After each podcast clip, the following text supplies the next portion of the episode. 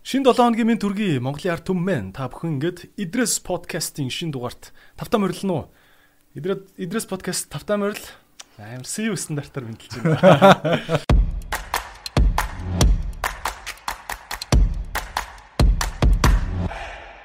CU гэдээ орохоор мангар гой мэдлдэг те. Гарахад орог нэг цагаан сараас гарч байгаа юм шиг те. Чи яаж тийг сургаад байна хүмүүсийг? Мм манай дээр болохоор нөгөө анх анх оруулж ирэхдээ стандарт нутгшуулахдаа ер нь юугаар ялгарх юм гэдээ ярилцаад тэгээ энэ мэнчилгээн дээр ерөөсөн хүмүүс хоорондоо ерөнхийдөө харилцаж чадахгүй байна. Ер нь монголчууд нэг хоорондоо харилцаан дээр жоохон үйлчлэгээн дээр ялангуяа харилцаан дээр сайн биш байна гэд. Тэгээ заавал мэнчилгээний үхтэй байя гэд тэр дээр нилээн анхаарал тавьж ичилсэн. Тэгээд ингээд бүр шаардал тэгээ өдөр болгон шаардал. Энийг заавал заавал гэдэг. Бид нар өөрсдөө дэлгүүр дээр ажиллаад цуг хэлээл. Анх дэлгүүр нэгээл бид нар өөрсдөө цуг ажиллажсэн. Тэгээ муусын салбар нэгээл. Тэгээ компани маань нэр болохоор Central Express CVS гэдэг компани. Хуучин Central Express гэдэг convenience дэлгүүр ажиллаж байсан гурван салбар дэлгүүртэй. Тэгээ бид нэр Солонгосын франчайз оруулж ирээл өнөөдөр 61 салбарт байгаа. 61 салбар дэлгүүр. Вау. CU гэдэг бизнес Монголд нутагшихад нэлээд олон бас орон нутгийн онцлог бас шингэсэн байгаа бах тий. Одоо Солонгос CU орохоор яа гэм Монгол CU орохоор яа гэм том том ялгаанууд нь юу юм бэ? Хамгийн гол ялгаа нь болохоор тэр халуун хоолны хэсэг байгаа тий. Тэр бол хамгийн гол онцлог юм байна. Солонгос бол ийм халуун хоол харьцангуй сонголт багтай. Монголчууд болохоор яг халуун юм идэх хүсэлтэй. Тэгэхээр бид нэр ингээд дэлгүүр дотор яавал яаж халуун хоол өгвөл зүг бэ гэж бодож жоод хийцэн. Тэгээ тэр нь одоо тэр нөгөө хотдог тэгээд одоо хүмүүсийн мэдгээр тэр мантан буу суушур юу гэдэг те. Тэгээд одоо сүүл нагетс шарсан төмс тэгээд бүтээгдэхүүн гаргасан. Тэд нар нь бол монголчууд идэх дуртай яг халуун гэдэг тийм концепт байна. Тэргүүрээ нэгдүгürt ялгаатай. Солонгосоос. Хоёр дахь ялгаа нь болохоор яг хав мэдлэгээ бол ялгаатай Мэдлэгээ бол үнэхээр ялгаатай. Солонгост бол яг хуу дэлгүүр дэлгүүрээс болоод янз бүр. Бид нар болохоор яг ингээд стандартаар хүчээр ингээд шахаад заавал мэдлэх хэрэгтэй. Энэ бол манай брендийн онцлог. Энэ хоёр нь нэлээд ялгаатай байна. Тэгэд мэдчлэхгүй би нөгөө яадаг байхгүй. Шангрила руу орчвол гарахтаа CU-гээр дамжиж гардаг байхгүй. Юу ч аваагүй дундуур нь гарч яхад баярлаа баяртаа гэж хараас тийм санаа зовтлоод шүү дээ. Тий. Залуучууд маань өөрсдөө ингээд тас гэсэтэй. Тий айгу гоё ингээд эхлээд нэг юм ингээд санаачлаад Тэгээд тэр чинь нэг цөөхөн эдийн салбараас нэг хідэн хүүхдүүд сургаад, залуучууд сургаад тэгээд юм дадал тогтчихж байгаа. Тэгээд хүн хараал мэдлдэг дадал тогтоод. Тэгээд өөр салбарууд шинээр нэгээл тийшээ ингээл түгээгээл нөгөөдөл анх нөгөө нэг дөнгөж хаасан дээр үйлчлэгийн ажилтан байсан хүн маань ингээл дараагийн туслах менежер менежер болоод явж байгаа. Тэгээд тэд нар маань ингээл соёлын түгээдэг. Тэгээд бид нар зүгээр энийг хилүүлээрэ гэж явахаар ингээл тийм нөгөө дэлгүүр болгон дээр өөрийнх нь соёл нь бий болоод байдаг. Тэгэхээр аяндаа ингээд СУ-д ажилд орсон угаасаа энийг хэлж явах хэрэгтэй гэсэн тийм ойлголт байна. Сурчдаг. Тэрнээс бид нар өдөр болгон ингээд суугаад яг ингэж мэдлээрээ гэдэг ингээд хэлээд. Сая өнөөдөр таах руу орсон ч наа орлоогүй шүү дээ. Маска зүг. Харин маск би саяас маска марчаад энэ сая хажуудлын City Plaza-гийн салбар руу орох чинь оруулахгүй байна. Тий. Бас зарим танихгүй. Тэгээд таньдаг байлаа ч гэсэн тий. Шаард тэгээ би буцаад машин руу очиод маска авчаа буцаж орж кофе. Захирал нь байх чинь дөө. Нэр кофе бар дайлчаад баярлаа. Зөв. Асуугийн кофе чинь бас үр мөрн сайн газраас ирдэг. Тий энэ кофе чинь юу вэ? Ер нь бол энэ нөгөө Паскучи гэдэг Италийн кофе шопын юу шүү дээ том чейн. Аа. Тэгээ эдний яг авдаг гэсэн сорс байхгүй. Аа. Тэгээ яг нөгөө CU хамаагүй илүү их хэмжээний худалдаа авалт хийхээр болонгууд тэр кофений нийлүүлэгч нь CU руу шилжүүлсэн юм. Тэгэхээр энэ нөгөө Паскучид яг хэрэгжилж исэн кофе юм бэл. Тэр нь Италиан голохгүй байх хэрэг бол нэлээд дайжгүй л байж таарсан. Сайн кофе тий. Окей. Хүмүүс ярьдаг штэ нэг юм монголчууд ноён зантаа монголчууд хизээч үйлчлэгээний салбар дээр амжилт олохгүй энэ төр гэд тэ. Тэгээ танаас салбарууд руу орохоор бол надад бол амжилт баг олоод байгаа юм шиг үж харагддаг байхгүй. Хин эндээ нэг ноён зан гарахгүй амар nice байдаг штэ тэ. Яаж энэ болж гэнэ юу юу гэж бодож байна? Бид нар нөгөө анх ингээ хүмүүс авахтаа их айхтар туршлага суугаагүй тий. Харьцангуй анх удаа ингээд ажил хийж байгаа залуучуудыг оруулж ирээ. За яг ажлыг ингэж л хийсэн зөвөө. Тэхийн тулд ингээ хүмүүстэй гоё харилцах хэрэгтэй. Орж иж байгаа үйлчлэгч болгоныг одоо ямар нэг тата мэдрэмж төрүүлээ гаргах хэвээр. Тэхийн тулд ингээ мэдлэн тэгээ баярлаа гэж заавал хэлнэ, баяртай гэж заавал хэлнэ гэдэг ингээд сураад. Тэгэхээр нөгөө дөнгөж одоо нөгөө туршлагагүй байгаа хүмүүс маань юу гэдэг юм те шууд шинэ юм ингээл айгүй хурдан хүлээж аваад ажилладаг. Тэгээ муу дадал сэрсэн. Хоёрдугаар залуучууд ерөнхийдөө айгүй гоё гоё юм хүлээж авч байна. Хоорондоо өөрсдөө ч гэсэн бас тэгж хүмүүстэй сайхан гоё харилцаа үүсгэхийг хүсэж байна. Тэгэхээр өөрсдийнх нь хүсэл нь цаанаа байна. Тэгээ бид нэр ингээд ингэж хийвэл илүү ажил илүү зөв болно. Тэгээд ч та нар ингээд хүмүүст гоё мэдрэмж төрүүлж ивэл өөрсдөө хий ажиллаа хийж хийхдээ хүртэл тэгээ сэтгэл хангалуун байх боломжтой шүү дээ гэдэг агуулгын л тийм. Учир нь чинь нэг их загнад тахгүй шүү дээ. Тий. Тэгэхээр тиймэрхүү л зүйлсүүд байдаг. Тэрнээс айхтар тийм нарийн технологи бол байхгүй. Аха. Тий. Тэгээ танах чинь баг ер нь ажиллаж байгаа одоо үйлчлэгээний яг ингээд талбар дээр ажиллаж байгаа хүмүүс айгу тийм хурдан ажилд ордог, хурдан гардаг тий.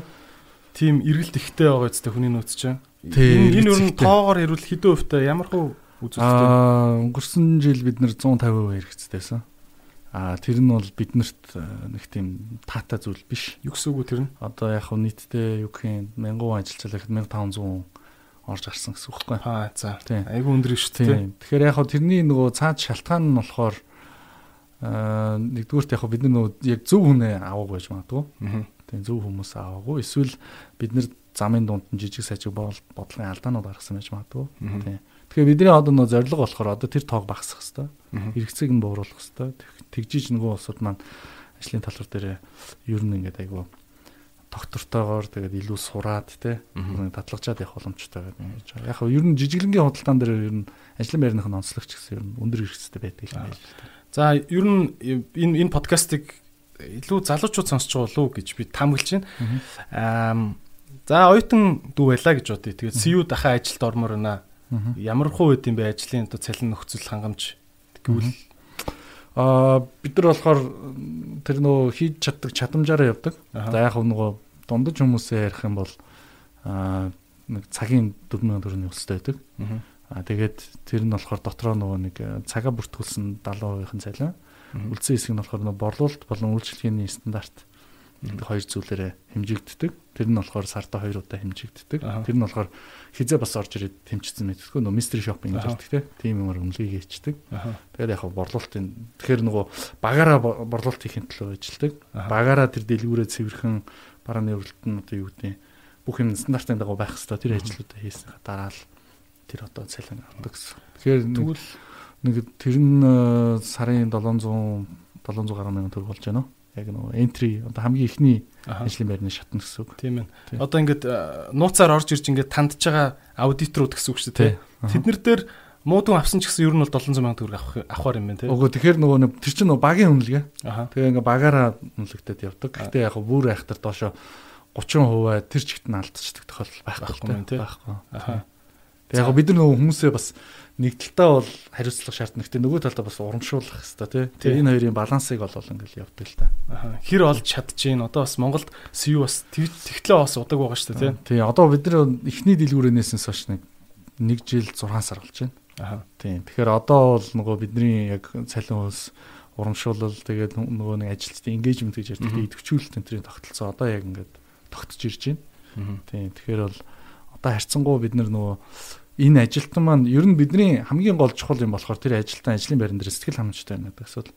Хэрвээ сэтгэл ханамжтай байвал нэгдүгürt тэр орох гарах хөдөлгөөн багасна. Хоёрдугаарт болохоор эцсийн үйлчлүүлэгчд маань тэр одоо үйлчлэгийн чанар илүү сайн болж очино. Тэ мэдээж сэтгэл ажилтаа сэтгэл хангалуун мэдээж сайхан үйлчлэл үзүүлж шүү дээ. Тийм. Тэгэхээр тэр утгаараа бол харах юм бол одоо л яг бидний юм сайн болж эхэлж байна гэж би хараад байна. За та нар бас мэдээж толгоо толгоон солонгос дүүдэг компани гэж ойлгосон зүг үү? Гэхдээ энэ нөө франчайзинг тогтолцоо байхгүй. Аа. Тэгээ яг CU-гийн брэнд эзэн нь бол тийм солонгост байгаа компани. А тэр нь тэндээ 14 мянган дэлгүүртэй. Солонгосын номер 1 одоо convenience store-ын суулж байгаа. CU гэдэг байгаа, GS25 гэдэг байгаа, 7-Eleven тэнд 3 дахь тоглогч байдаг. Тэгээ зах зээлийнхэн нөгөө нэг одоо байр суурьаар ярих юм бол CU GS25 тэгээ 711 гэдэг. CU JS юу гэнэ? GS25 гэдэг. GS25 гэдэг бас солонгос ерөөс анзааргүй юм байна. Тэгээд 711 гэдэг. Аха. А тийм 711 бол яг лоттой групп солонгост ажиллалт юм лээ. А за за. 711 өөрөө бол яг дэлхийд номер 1. Солонгосын зах зээл дээр үсээ номер 1 гэдэг. Тэгээ CU болохоор одоо Монголд байгаа Вьетнам дахиад нээж гин дахиад бас өөр хэдэн зах зээл. Сая Иранд очиж хаагчих шиг болоо тий. Иран тийм эдийн засгийн хоригтой холбоотой юм хаагдсан. Тэр нөгөө Америктэй холбоотой асуудал юм байна л та. Аха. Тий. Солонгоч Америкийн найз гэд тий. Тий. Тэгээд ер нь Америкийн найзууд найз усууд найз усууд гэх юм уу бүдүүлгээр ярил. Тэр улсаа бүгд Иранд дэсэн бизнесүүдэд татсан юм байна. Тий. Ойлголоо. Аа дэлхийн одоо энэ франчайзууд хоорондоо ингээд мэдээлэл солилцож байгаа байх л та. Тэгээд одоо янз бүрийн ингээд тоон үзүүлэлтүүдэд хоорондоо харьцуулдаг бах те. Монгол Монгол оронд ер нь CU ингээд нэвтрэхтэй ямар тоон үзүүлэлтэн дээрээ жоохон сулхан ямар дээр нь бас бусад орнуудтай харьцуулбал сайн интер байд юм бэ. Зах зээлийн онцлог тоогоор харагддаг? За яг нь convenience-ийн зах зээл дээр гэх юм бол эрэг тал нэг үл Монгол convenience огт өгчөөгүй. 0 0 байсан.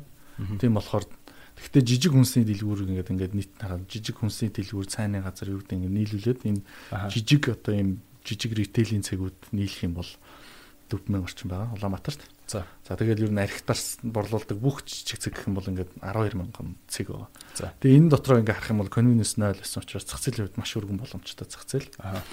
Аа нөгөө талаас нь хараад үзэх юм бол яг хуу тааруу ганц нэг тааруу үзүүлэлтүүд нь бол энэ Улаанбаатарын нэгтэршил байгаа. Улаанбаатарын нэгтэршил одоо юу гэдэг сая сая 500 орчим мянган хүн ингээд орж гарч байгаа. Гэхдээ тэрний одоо орон сууц орон сууц гингүүд нэг 320 орчим мянган өрхийн орон сууц тий. Тэгэхээр үлдсэн одоо 700 мянган өрх гэхэд талаас илүү хувь нь гэр оролт амьдарч байгаа. Гэр оролт амьдарч гарч нэг ингээд тархаа амьдарч байгаа шүү тий. Тэгэхээр тархаа олцохоор нөгөө convenience-ийн дэлгүүрийг байгуулахад баг зэрэг тохиромжгүй. Гудамжны үзүүрийн дэлгүүр гэж л ярьдаг шүү дээ тийм ээ. Ер нь ингээд давхарлаж амьдралж байгаа. Айгүй нэг газар ингээд бужигж байгаа газар хэрэгтэй байдаг бизнес. Тийм. Хамгийн гол зорилго нь болохоор ер нь convenience дэлгүүр хүний цагийг хэмнэх хэрэгтэй. Бас ирч хүчийг хэмнэх хэрэгтэй. Ирч хүчийг сэлбэж явах хэрэгтэй. Тэгээ тэр нь ирч хүчийг сэлбэх гэдэг юу гэж хэлээд байна вэ гэхээр юу гэдэг гадуур явж байгаад ядархаараа ороод ганц кофе уучихдаг ч юм уу те. Даарж ивэл нь ороод жоохон дулаацсан гар нэг халуун юм уучих тийм эсвэл одоо зуны цагт айгүй халуусчихвэл ороод нэг хэдхэн минут гоё эйр кондишн зэвсгэн орчинд ороо тийм өргөө сэргээчдэг. Тийм тэгээ яг үндсэн хэрэглэн нь бол цаг хэмнэх. Улаанбаатарт бол амар төгжиж штэ. Тэгэхээр цаг хэмнэхийн тулд ерөөсөө гараал бид нэр 5 минутын дотор нэг дэлгүүр орох хэрэгтэй гэдэг л зарчим барьж байгаа. Тийм. Тэгэхээр нөгөө ингээд олон салбар хийх хэрэгтэй болчихж байгаа. Тэгэхээр гараал 5 минутын дотор өдөр болгон хэрэгэлдэг хэрэглээнийхээ ямиг л хүн олж чадчих хэрэгтэй. Тэр нь одоо юу гэдэг гэр орондоо эрэхтэй зүйл байж эсвэл шууд хоол идэх хэрэгцээж болно. Өөр юу ажиллах вэ? Офис хэрэгцээтэй зүйлс гэдэг. Ингээд бүх юмыг л гараал 5 минутын дотор буюу нэг 200 м-ийн зайдал шийдэж явах хэрэгтэй гэсэн. Ийм л концепттэй.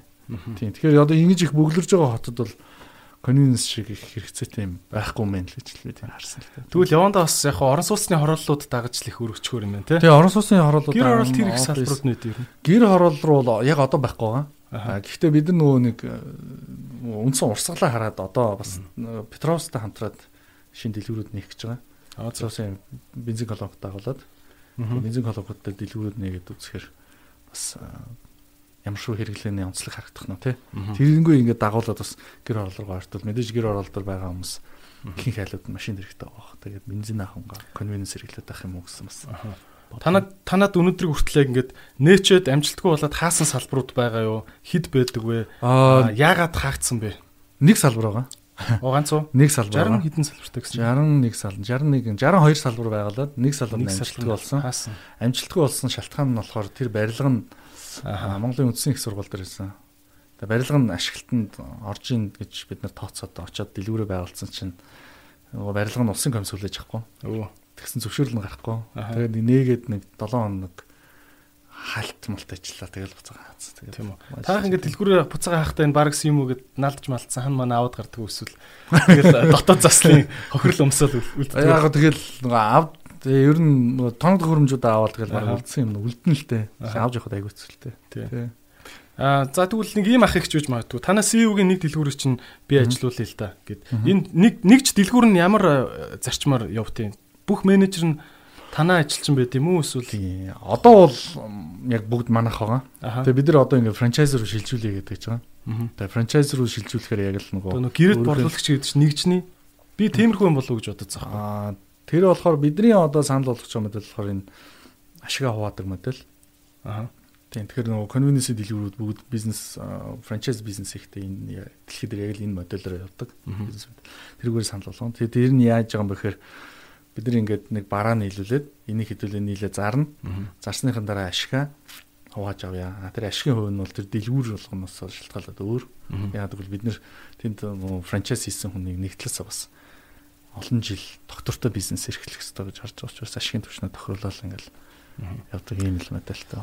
Чинцогийн хувьд яг sorry би ингээд CU-гийн талаар хоёлоо өөр сэдвүүд рүү бас ормоор байдаг. Гэхдээ битэрт бол цаг хангалттай байгаа шүү. Мааха. Тэгээд энэ яриа таалагч ивэл та бүхэн шэр шэр шэр хамгийн гол нь шэрлж өгөөрөө. Тэгээд бас Тэ? Ял болох хэрэгтэй юм ярихыг хичээж байгаа шүү.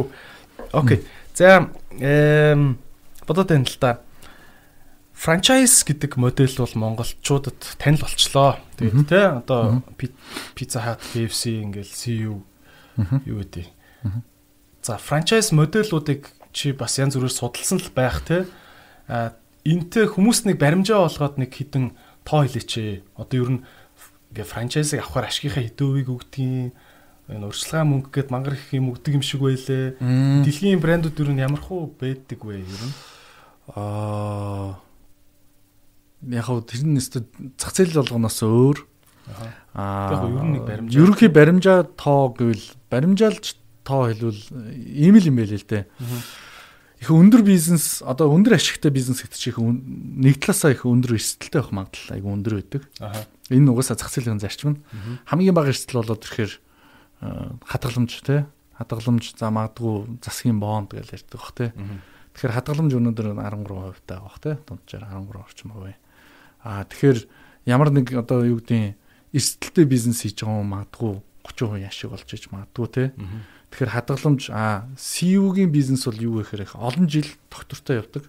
Олон жил доктортой явдаг учраас тэр дээр хамгийн гол эффект нь хаанаас гардаг вэ? Олон жил хүн ингээд мөнгө хуримтлуулад тэр хуримтлуулсан мөнгөний одоо нийт цаг хугацааны үнцийг гэж харж байгаа шүү дээ. Тэр цаг хугацааны үнцийн төсөл рүүгээ маш их гарч ирдэг. Тэгэхээр хүн их олон жил доктортойгоор хийх ёстой бизнес.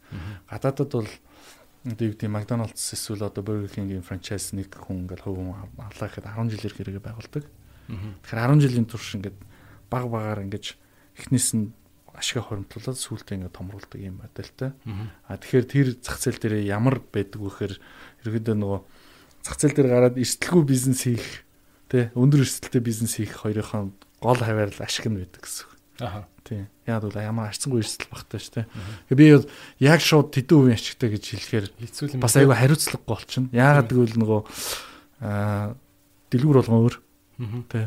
Тэгээд нөгөө талд нь хүн ороод ирчих бизнес хийж байгаа шүү дээ. Тэгэхээр хүн бизнес хийж байгаа хүнийг чи ирээдүйд яг тэдний ашиг болно. Тэгвэл байна те.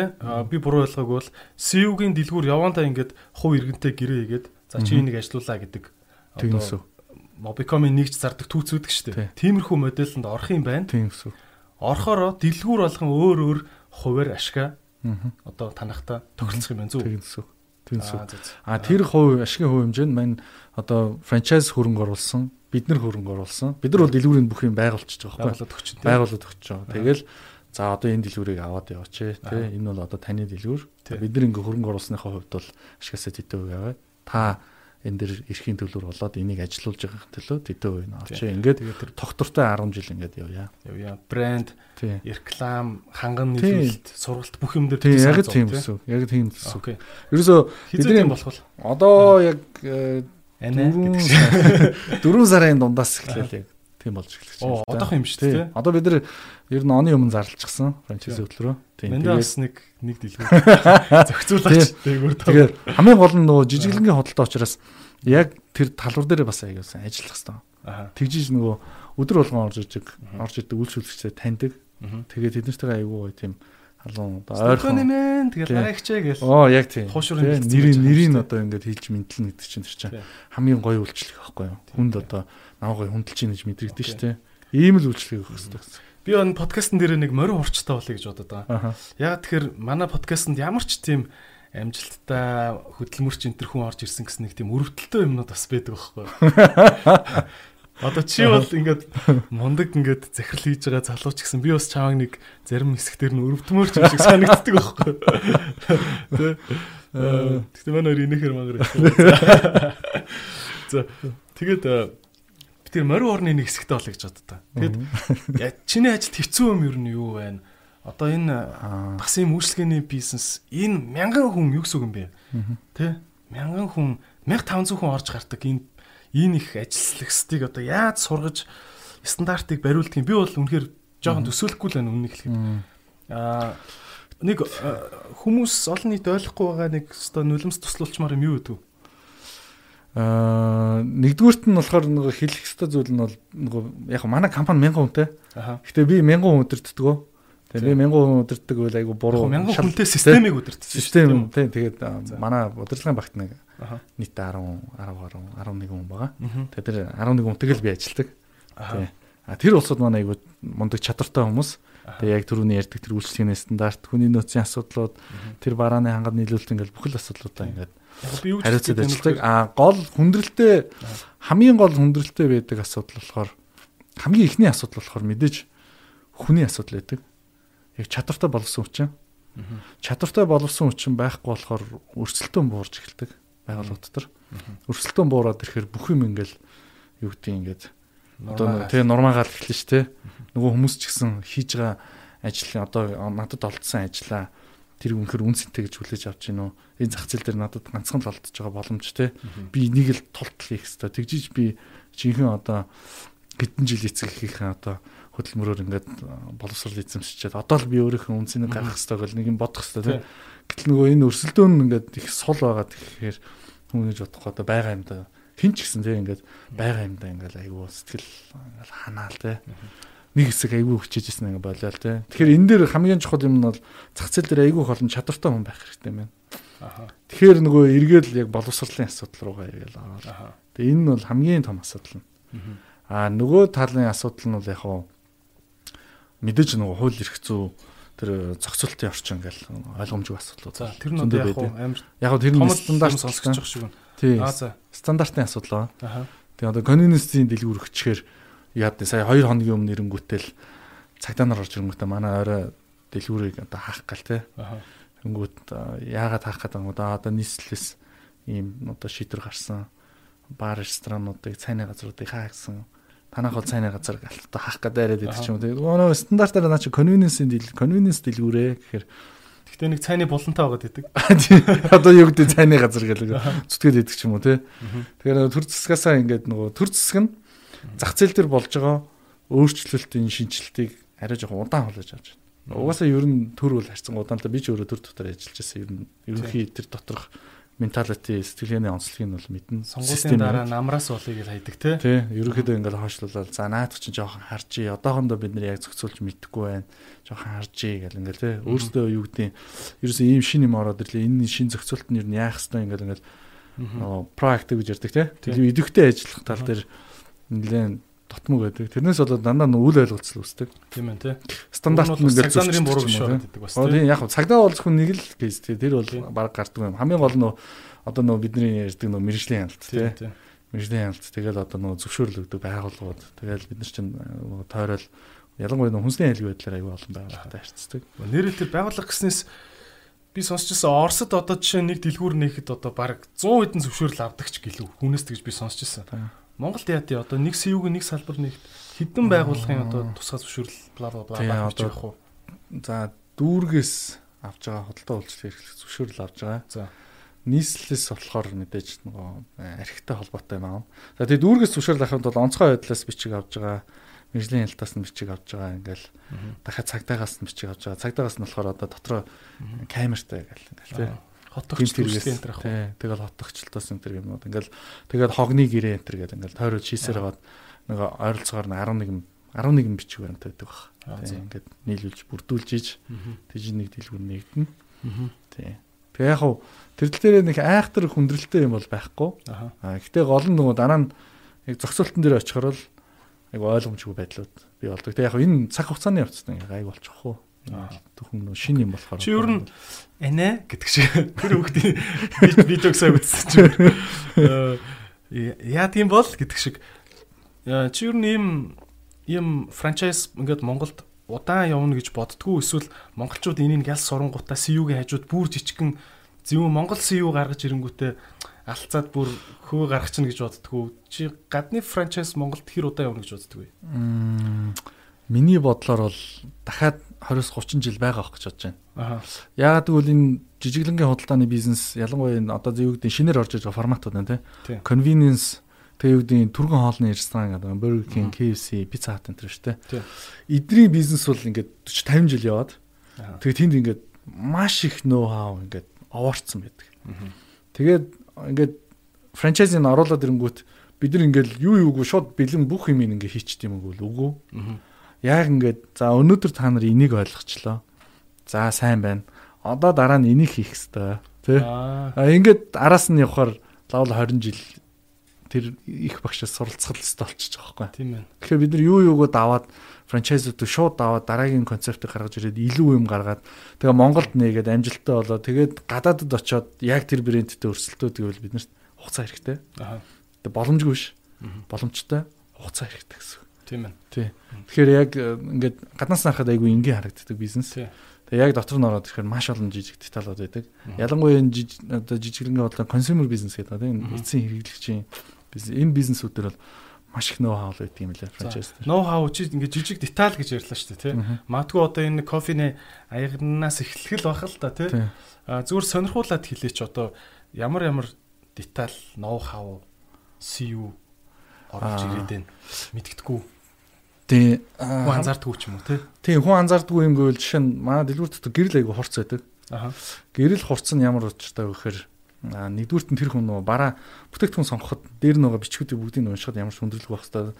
Тэгээд тэр хугацааны мэдээллийг ингээл харахад хүн хугацааг нь би харж амжаагүй энэ харагдахгүйсэн ч гэдэм үү те очоод юм буруу юм хэрэгжилдэг ч юм уу. Тийм эрсдлээсэн сэргийлээд гэрэл хурц байдаг.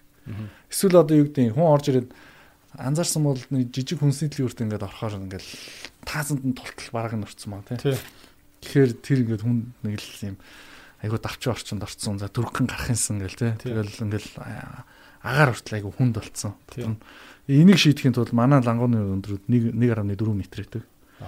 Тэгээ орохоор ингээд ерөөсөө нүд тулдгоо. Тийм нүд тулдгоо. Тэг ингээд нилэнхөдөө. Ерөнхийдөө 1.5 м-ээс дээш өндөртөө өнгөсөн шүү дээ.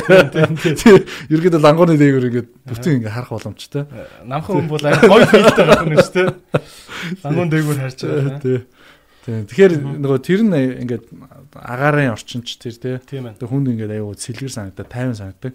Тэгээ одоо жишээ нь манай лангуун дээр 15 градусын юм дээд лангуун жижигхэн байдаг. Доод лангуун илүү өргөн байдаг. Тэгэхээр нэг хүн лангуун тулд зогсоод сонголт хийхэд гар чөлөөтэй хөдөлдөг. Оо ямар зөв юм те. Тэгэхээр нөгөө тэр бол одоо бусад жижиг хүнсний төлөвлөрд байхгүй нөгөө ихэнх жижиг хүнсний төлөвлөрөд том супермаркетын амар даацтай даацтай том их бараа хадгалахад зориулсан лангуут байдаг.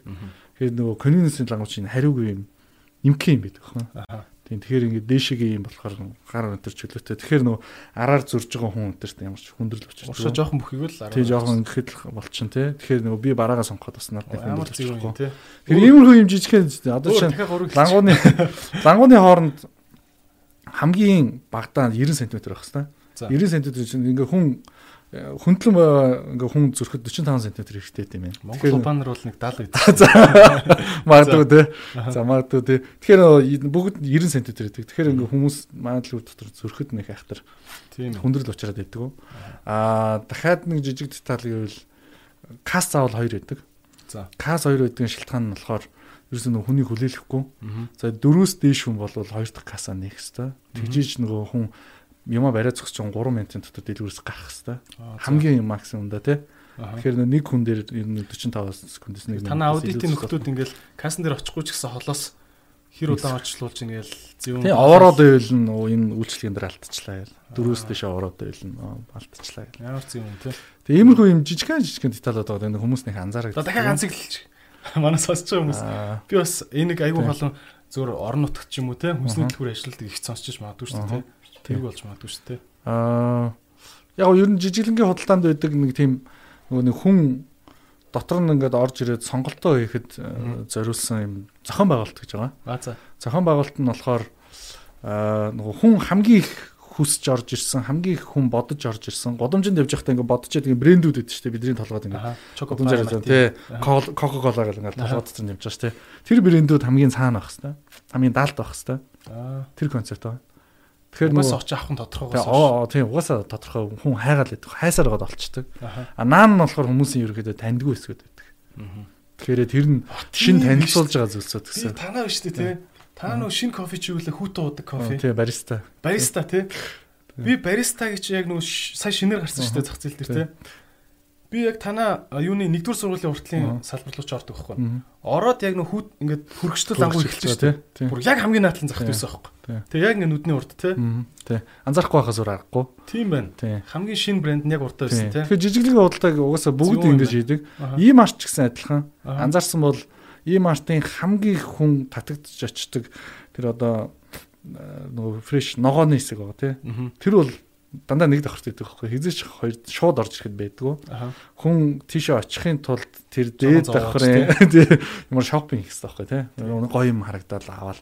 Тэнд бол миний бодлоор тэнд нь ашиг нэдэг баг доор бол ашиггүй байдаг баг тий. Тэгэхээр яг тэгжиж нөгөө жижиглэнгээ худалдаа хийж байгаа. Тэгэхээр нөгөө яг жижиглэнгээ худалдаа хийж байгаа хүмүүст хэрэгцээтэй нь ерөнхий юм дүрм. Тийм иймэрхүү дүрмүүд бол Монгол үйлдвэрлэгч нар CU-д бараагаа нийлүүлж болдог уу болдог бол ямар хуу хэдэн хувийг дундаас нь авдаг вэ хэр хэцүү байдаг вэ? Одоо би ингээд их чинь настаа гэртээ юу хийдгийг хошуур хийдгийг тэрийг заруулмаар байна. Мэдгүй. Тэ. Оо тийм Монгол ер нь бид нар айгүй цөөхөн ер нь нийт нэр төрлийнхөө нэг 5 орчим хувийг л гаднаас оруулж ирдэг. Өөрсдөө импортлдог. Нэр гэсэн юу? Тий. Бусд нь бүгд Монгол. Монголын нийлүүлэгч тий. Тийм үү? Тий. Тэгээ Монголын нийлүүлэгч нараас бид нар нөгөө бараагаа сонгохдоо энэ яг convenience хэрэгтэй бараа мөн үү биш үү гэж сонгодог гэсэн. Тэгэхээр нөгөө том дэлгүүрт ч дарахад байдаг. Зарим юм байдаг, зарим юм байдгүй. Хүмүүсийн ойлголт яг эсрэгээр байдаг шүү дээ. Энэ солонгосууд дэлгүүрээ нээж орж оруулангуудаас солонгос бараагаараа шахаад өгөө зах зээл эзлэлээ гэж ярьдаг шүү дээ. Бид яг анх нэгтээ нөгөө солон хүмүүсийн хүлээлт юм байгаа бах тий. Солонгосын дэлгүүр юм чи амар гой солонгос юмнууд л юм байгаа бах та гэж хүлээлт байгаа бах гэж бодоод бид нар анх солонгос бараа байршуулж ирсэн. Тэгээ яг хөө ингээд нөгөө зах зээлийн ингээд ямаараа хүмүүс ингээд хэрэглээд ирэхээр за энэ солонгос барааг бол нэг хүн авдаг юм байна гэж тэрийг хасаал арай илүү хүний таньдаг бараагаа оруулаад ингээд одоо таад байдаг хуушур хийн хэдийн жишээ а тэрийг манай үйлдвэр өөрөө хийдэг. Бид өөрөө хүнсний үйлдвэр те тий алах юм за. Тий 500 м квадрат хүнсний үйлдвэр байгаа. Аа бид нар дахиад шинэ хүнсний үйлдвэр дахиад барьж байгаа. Энэ 100 ашиглалтанд орно 7 сард. Тэнд болохоор бидний яг 24 цагаар хүнсний хоолны үйлдвэрлэл явдаг. Бэлэн хоол явааш тий. Одоо бидний нэг савта хоол байгаа. Тэр хоошур мантан бууз юу гэдэг. Өөр одоо нэгри анх тий кимбаб тий кимбаб тэр тэр чинь яг үйлдвэр дээр хийгдэж байгаа тий. Манай яг өөрөө үйлдвэрлэдэг бүтээгдэхүүн. Яагаад өөрөө хийдэг вэ гэхээр өдөрт ойролцоогоор нэг өнөөдөр өдөрт нэг 5 тонн хоол үйлдвэрлэж байгаа Пай. Аа тэгэхээр тэр нөгөө тасралтгүй мөртлөө чанарын шаардлага хангах нийлүүлэгч байна уу гарахаар зах зээл байхгүй. Аа. Тэгээ энэнийхээ үйлдвэрлэлийн яг процессыг мэддэг айл одоо аж ахуй нэгж өнөхөр байхгүй. Тэгэхээр за бид нар тэгвэл өөрсдөө хийсэн дээр юм байна. Гэтэ уг нь бизнесийн өнцгөөсөө харуул өөрсдөө бүх юм хийгээд тахна буруу тийм. Тэгээ одоо нэг хүнсний үйлдвэртэй. Тэр үйлдвэрээсээ бид нар өдөр болгон хоол төгөөдөг. Өглөө 5 цагт бүх хоолнд гараал түгэлтэнд явдаг. Ер нь манай түгэлт дандаа шүн шүн эсвэл үүрээр явдаг. Тийм. Төгжрлгүй те. Төгжрлгүй ид явахыг хичээдэг. Тийм. 200 компани болоо дотоодын аж ахуй нэгж тэд нар бүгдээрээ ихэнх нь агуулгах төр манай агуулгах төр гэж бараагаад түгэлтийн төв төр. Тэндээс ингээд 60 Аа тэгэхээр компаниудын бараанууд шууд танаа дэлгүүр болгон руу явахгүй эхэлж нэг агуулгах төвлөрөөд тэрийг та нар өөрсдөө цааш нь түгээд юм те. Тий. Аа тий. Ихэнх нь хоёр явдал болохгүй юу? Ягаад шууд одоо жишээ нь Coca-Cola шууд ингээл танаа Энийг тэг яг Coca-Cola шууд явж байгаа. Аа за. Аа энийг хийдэг шалтгаан нь ерөөсөө хамгийн хоёр үндсэн шалтгаантай. За. Хамгийн ихний шалтгаан нь болохоор хэрэглэгчд үйлчилгээг одоо дэлгүүрт менежер тэгээд тус менежер хүмүүс байгаа шүү дээ. Энэ хүмүүс бараа бүртгэх биш. Эцсийн хэрэглэгчд үйлчилгээг өгөхөд хамаагүй анхаарлаа хандуулж хэрэгтэй байна. Тэгэхээр нөгөө нэг Одоо Монголд жижиг хүнсний дэлгүүр дээр яадаг вэхээр ингээл өдөрт 20-с 30 вендор гэж ярьдаг одоо тэр айлууд бараа бүтээгдэхүүн нийлдэг айлууд хурж ирдэг. Тэгэл тэднэртэй ингээл барааг нь аваад захиалгаа ингэсэн үү болсон уу гэл барааг болж ингэсээр гол бараг өдөр нь дуусчих байхгүй. Юун тэр үйлчлэгээ өгөх те. Тийм ээ те. Тэгэхээр ийшээ нэгдүгürt анхаарлаа. Хоёрдугаарт нь болохоор юу гэхээр манайх үнэтэй талбайнууд дээр байдаг л та. Хүнд ойрхон байхын тулд хүнд харагдаад ойлгомжтой ороход амархан байхын тулд өндөр түрээстэй талбайнууд дээр байдаг. Тэгэхээр тэр өндөр түрээстэй талбай дээр их хэмжээний бараа хадгалаад тах нь буруу байдаг. Хайр метр квадратыг тий хайрцагтай коло тавьж юу. Тэрний оронд энэ агуулгах дээр авчиад хамаагүй хямдхан метр квадратаар хадгалж байгаа нь хямд байдаг. Смарт зөвлөгнүүд юм. Айс чинчаа. Йоо. Тэгээ ерөөдөө нэг иймэрхүү модельтэй болохоор Монгол нар нэр бас барж идэхгүй Смарт зөвлөгнүүд юм а тий. Тэгээ айгүй нөгөө ингээ гаднаас нь харахад зүгээр л энгийн хүнсний дэлгүүрийг гэдэг юм шиг хэрнээ чинь ардталтаа бол үндсэн бүтцээрээ шал өөр шал өөр модельтэй л бизнес та. Чинзотогоо ингээд амар гоё технологи, механологи, боловсрал, боловсрал уг нь ярмаар байдаг. Гэхдээ надаа яг бол би өөрөө бас бизнес эрхэлдэг хүний хувьд маш одоо өгөөжтэй сурмаар юм те их байна. Тийм болохоор би бас энэ CU гэдэг бизнесийн талаар ноу хавнаас нь бас илүү их суралцаж асуумаар байна. Уучлаарай. Цаашаага яриагаа бас ингээд CU гэрээ дахиад үргэлжлүүлээ. Окей. Аа юу вэ? Цаг үл зөндөө байгаа. Гэхдээ хоёлоо бол мангар удаа ярина. Кофеин дуусна. Тийм, кофений би зүгээр кофений соёл дээр бид нэр айгүй өөрчилж чадсан байх гэж бодоо. Энэ нөгөө түрүү хэлдэг нөгөө Паскучигийн сорсын кофе. Тэгээд энэ үр энэ үртэй кофег оруулж ирээд бид ингээд зарахад кофе шоп дээр очиж байгаа фреш кофе яг адилхан чанартай. Гэтэ үнэн хоёр дахин хямдхан байхгүй. Э мэдрэмж нь яг адилхан гэсэн. Тэгээ хоёр дахин хямдхан болохоор эн чинь. Тэгээ гоо ингээд хүмүүс маш их артчих маш их үнцэнтэй тийм маш их үнцэн өгж ийн гэж бодоод байгаа. Тэгээ нөгөө кофе одоо бид нар ингээд анх нэг одоо юм ажиглагдчих байгаа. Анх ингээд нэхэд хүн болгон орж ирэл латте асуудаг гэсэн байхгүй. Латте латте авахгүй мó гэл. За. Тэгсэн чинь одоо хүмүүс ирс латте асаах болж байна монголчууд бүгд Улаанбаатарын хотын төвөр ингээ байгаа улсууд ихэнх нь американоор ингээ явж байна. Зүгээр хар кофе. Тийм зүгээр хар одоо чихэргүү, сүүгүү кофенд илүү дуртай болж гिच. Тэр нь бас ингээ анзаарч эхэлж байна. Тэгэхээр ингээд нөгөө яг л баруунд байдаг чиглэл рүү ингээд айгүй хурдан бич. Амар хурдан тийм жиген кофе ч болол одоо соёл нь айгүй хурдан. Гэхдээ сүйтэй цай гоождаг те халуун гоож. Халуун тийм. 100 сүйтэй цай гард юм уу? гардаг. Танахтай хүнсний үйлдвэр дээрээ сүтээ цагаа чанаад авчирч тийм үү? Үгүй. Тэр болохоор нөгөө нөгөө инстант гэхгүй. Аа зөв. Инстант сүтээ цай. Тэгээ яг сүтээ цай байх ёстой гэдэг санаа нь болохоор хошуурнаас гарсан. Тэгээ. Тэгээ хошуур ингээд тийг өгсөн чинь хүмүүс сүтээ цай авахгүй юм уу? Наач тэгэхээр тэгээ одоо бид нар одоо яг яаж хийх вэ чинь за ингээд дараа нь бидний төлөвлөгөө 300 салбар болно 300 салбар ихэд бид нар яаж тентч одоо сүтэ цай байлгах вэ гэдэг бодлого одоо үзэхээр яалтчгүй л нөгөө паудертай. Тийм ээ. Сүт цай ингээ. Тэгээ яг сонголт сонголт бол байна. Хүн сонгоод уугаад таалагдж ивэл болж байна. Тэгээ бас өөр бас сонголтууд гаргаад өгч бол хүмүүс хийх байх гэсэн бодолтой. Аа nice. Ингиж бодоод байна л да. Ер нь бол ер нь CU-гийн одоо хамгийн том өрсөлдөгч юу юм бэ? За яг хуу ингээд бусад Circle K өрсөлдөгч гэж явж байгаа бах те бас адилхан төрлийн А бууцны одоо гуанзнууд таны өрсөлдөгч гэж явах уу одоо хүнсний дэлгүүр мэлгүүр аа яаж явж байна? Яг тэр нөгөө яг тухайн байршлалынхаа онцлогоос бас нэлээд хамаарч байгаа. Аа офисын доор болоод ирэхээр биднэрт э, юу гэдэг цайны газар нь илүү өрсөлдөөн болоод ирдэг. Аа эсвэл ресторан. А гэхдээ яг шууд өрсөлдөгч гэдэг утгаараа бол яг одоо биднэрт өрсөлдөөн харьцангуй айгу бага байгаа л гэж ойлгоод байгаа. Яагаад гэвэл Одоо жишээ нь за офисын доор э, дэлгүүрэлэхэд хүн ресторанд ороод нэг цаг 50 сууж байгаа хоол идэхгүй эсвэл би галси югээс юм идчихэд дараа нь ажлаа амжуулах үед сонголт ирэхэд хүнд нэг тэрэнд бид нэр өрсөлдөөн байгаа гэж ерөөс харахгүй байхгүй. Тийм тэгэхээр ерөнхийдөө нөгөө дэлгүүрүүд маань бол тухайн байршил дээр баг монопол шинжтэй байдаг. Аа орон сууцны доор очихоор яг уу асуудал арай өөр болдог. Аа орон сууц болгоны доор яг нэг бадцсан хүнсний дэлгүүр өгдөг шүү дээ. Тийм тийм. Гадаа нэг бол Pepsi, нэг бол Cola гэж хатцсан тий. Тий. Тэгээд э, жижиг хүнсний дэлгүүрүүд дээр яг үнэндээ л бидний нөгөө жижиг орон сууцны доор очиад ингээд нөгөө өрсөлдөөд үзэж байгаа. Тэгээ ер нь нэг зүйл ойлгосон юм нь бол жижиг орон сууцны хүнсний дэлгүүр идэг хүн ашиггүй ажилдаг. Гэхдээ проблем нь ашиггүй ажилтгаа мэддгүй юм л. За. Тий. Тэгэхээр үндсэндээ нөгөө ингээд бэлэн мөнгө эргэлдээл гар дээр нэргэлдээд тахаар болоод байна л гэж бодож байгаа шүү дээ. Тэгэл явж байгаа. Амьдралын хэрэгцээ нэг амьдралын хэрэгцээ тийм. Тэгээд яг юмдаа ингээл хэрэглээл явж байгаа. Тэгээд нэг жилийн эцэст ингээл ихэнх жижиг хүнсний дэлгүүрийн эцэст ингээл ярангууд мэдхгүй ингээл сүулдэ ашигаа харахаар энэ манай дэлгүүр дотор байгаа бараанууд л юм шиг байна. Энэ миний ашиг юм шиг байна л гэж. Дийлэнх л нэг иймэрхүү дүр зурагтай байгаа. Яг нэг амар бизнес гэдэг утгаар хөгжөхөөс илүү зүгээр нэг нэг ахын ажилуулдаг газар тэгээд ахын амьдрал болоод идэг. Тиймэрхүү стилтэй байна гэсэн үг. Тийм. Тэгээд нөгөө яг цэвэр ашигаа ерөөсө тооцож чадахгүй. Аха Тийм тэгэхээр яг э, юу гэдэг касанд мөнгө ороод ийшээ барааныхаа төлбөрийг хийгээл нэг цалингаа болгочихвол би бол ийм сонссон чинь заа. Аа Гэтэ очи мэдээж бизнесийн үүднээс бас айгу боломжтой хариулт өгөх бах гэж бодож байна энэ тал дээр. Би болохоор яа миний подкаст яад тий. За энэ тэгтээ чөлөөтэй подкаст юм чи те. Аа би бол ийм сонссон. Хүнсний дэлгүүр мэлгүүр ажиллуулад нэг амар ашиг олдгоо. Гэхдээ гол нь тэр нэг арталт нь ингээд нэг тамхи өмх зардаг штэ. Тэрэн дээр л жинхэнэ ашиг хийдэг. Тэг ер нь бол тамхи мамх нууцаар мууцаар зарахгүй л бол дэлгүүр түүц ажиллуулад баг нэмэргүй байдаг гэж сонссон.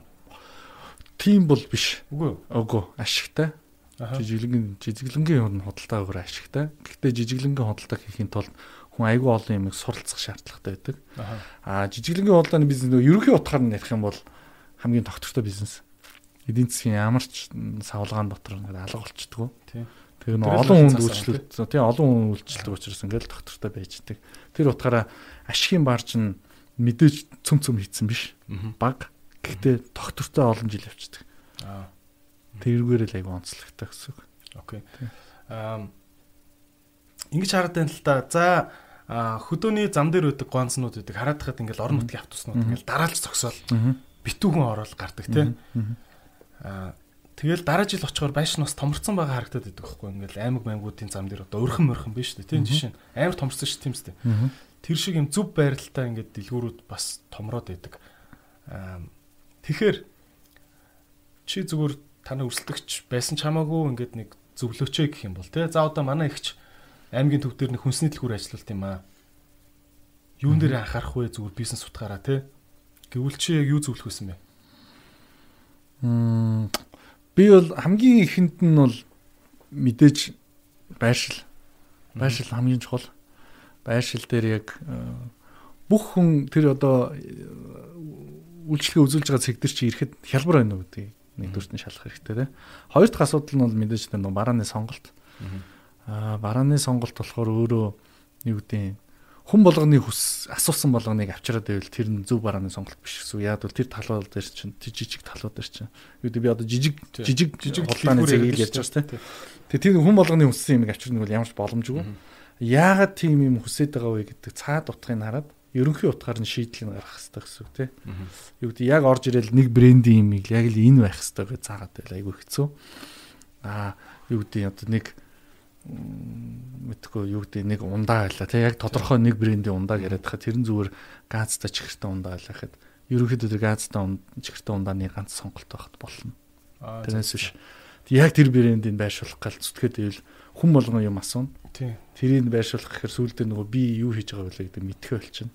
Тэгээ тэр аюу чухал байх гэж бодож байна. Тэгэхээр хүний ямар хэрэгцээг хангах байгаа вэ? Тэрийг нь цааш нь ухаж ойлгоно гэсэн. Тэрийг нөгөө нэг Питер Друкер хэлсэн байдаг те. Нөгөө тэдний чинь нөгөө одоо Друкер гэдэг нөгөө дрилний компани байна шүү те. Том брэнд.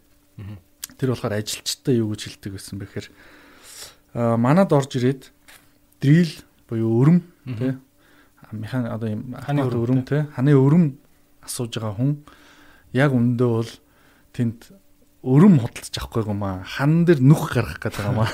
Тэрийг ойлгоо гэх тээ тэгэхээр яг ямар зорилгоор юм авах гэдэг гэдгийг айгуу сайн бодох хэрэгтэй. Тэгэхээр заавал одоо спрайт умаар нь гэхгүй уг нэг зүрж ихтэй газтал юм уучих гал юм биш үү тий. Тэрийг айгуу сайн. Тэгэхээр кафентэй ундаа үсээд байна уу? Спорт ундаа үсээд байна уу? Юу энийг нь яг ингээд ойлгох хэрэгтэй гэсэн тий. Ингэж чадвал жижиг талууд дээр яг оновчтой бараа байршуулад Тэгээд үйлчлэгчтэй татал явуулна. Окей. За ийм convenience convenience гэсэн үү? Convenience. Convenience гэж ярина үстэй тий, тий. Convenience гэж сонсоод байгаа шигсэн. Аа convenience буюу одоо тав тухал гэсэн үг шүү дээ тий. Аа айлуу амар хялбар гэсэн утгатай. Амар хялбар. Тий. Аа тав тухх гэхэр нөгөө англиар бол comfort болчих واخ тий. За. За окей. I'm sorry my English not. За окей. Тэ ийм convenience одоо store төрлийн бизнес дээр ашигын марж хэд байдаг вэ? Тэ одоо сая төгрөгөөр борлуулалт хийлэг гэд яг хідэн цэвэр ашиг бас танад очиод идэв. Ашигаа одоо ийм бизнес, CU шиг бизнес ямар ямар одоо ашигын солонгоролтой байдаг юм бэ? Нууц биш бол зүгээр нээлттэй талуудын хэлээч гэвэл. Аа яг нөгөө доод цэвэр цэвэр ашиг дээрх хэмжээг ярих юм бол тэр нь бол байршил болгон дээр болоод тэр байршлын менежментийг яаж хийж байгаас болоод янз бүр болно. За Тийм. Тэгэхээр тэрийг нь бол би хэлэхэд жоохон хариуцлахгүй болчих. За. Аа, ахиуц ашиг дээр нь ярьж болно. За. Ахиуц ашиг дээр бол тэр бас тухайн байршлаас шалтгаалаад 20-30% хооронд хэлбэлцэж байгаа гэсэн. Аа. Тэгэхээр тэр 20-30% ахиуц ашиг хийчээд тэрийгээ доош нь бусад зардлуудаа тэрэндээ багтаах хэрэгтэй гэсэн үг шүү дээ. Тэгээд ард нь ашиг олдох хэрэгтэй. Ингээл тооцох хэрэгтэй. Чарж байгаа толгой хэрэгчлээ. Яа яа нэг ахиуц ашиг буюу gross profit-ийн түвшинд гэсэн үг. За. Тэр gross profit тэр гэдэг чинь нэг бараг би эндээс худалдаж аваад дунд нь цавчаана гэсэн үг шүү дээ тий. Хар яриагаар тий яг дунд нь үсгийн цавчаа үсгэж байна. Нэм өртөг, шингээс нь нэм өртөг. 20 30 байхгүй. Тий. Тэгэхээр тийм ашиг хийчээд тэгээд тэндээсээ дараагийнхаа зарлуудаа төлнө гэсэн үг. Тэр авсан мөнгнөөс дараагийн зарлуудад түрээс хүний цалин тий бусад юмнуудаа төлөөд тэгэхээр юм үлдэх юм уу тэгэхээр юм үлдэн. Аха. Үлдэх байх уу? Тий. Үлдэн. Тэр нь хит байхаа гэдэг нь бол тэр хүний цэвэр менежментийн асуудал. Менежмент менежмент сайн байвал тэр хавцаа, муу байвал тэр хавцаа гэж хэлж болох уу?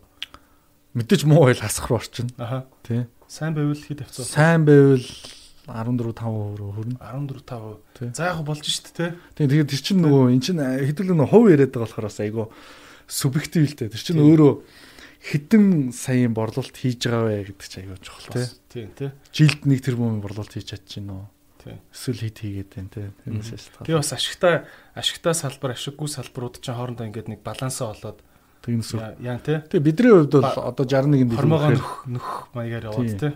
Бүх дэлгүүрүүд ашигтай байдаг бол бодлоо алчин. Тийм ээ. Тий. Зарим дэлгүүрүүд алдагталтай байдаг. Гэхдээ нөгөө нөгөө дэлгүүр өөрөө нэг нэгэд жижиглэнгийн худалдаан дээр бол нөгөө хугацаа хэрэгтэй.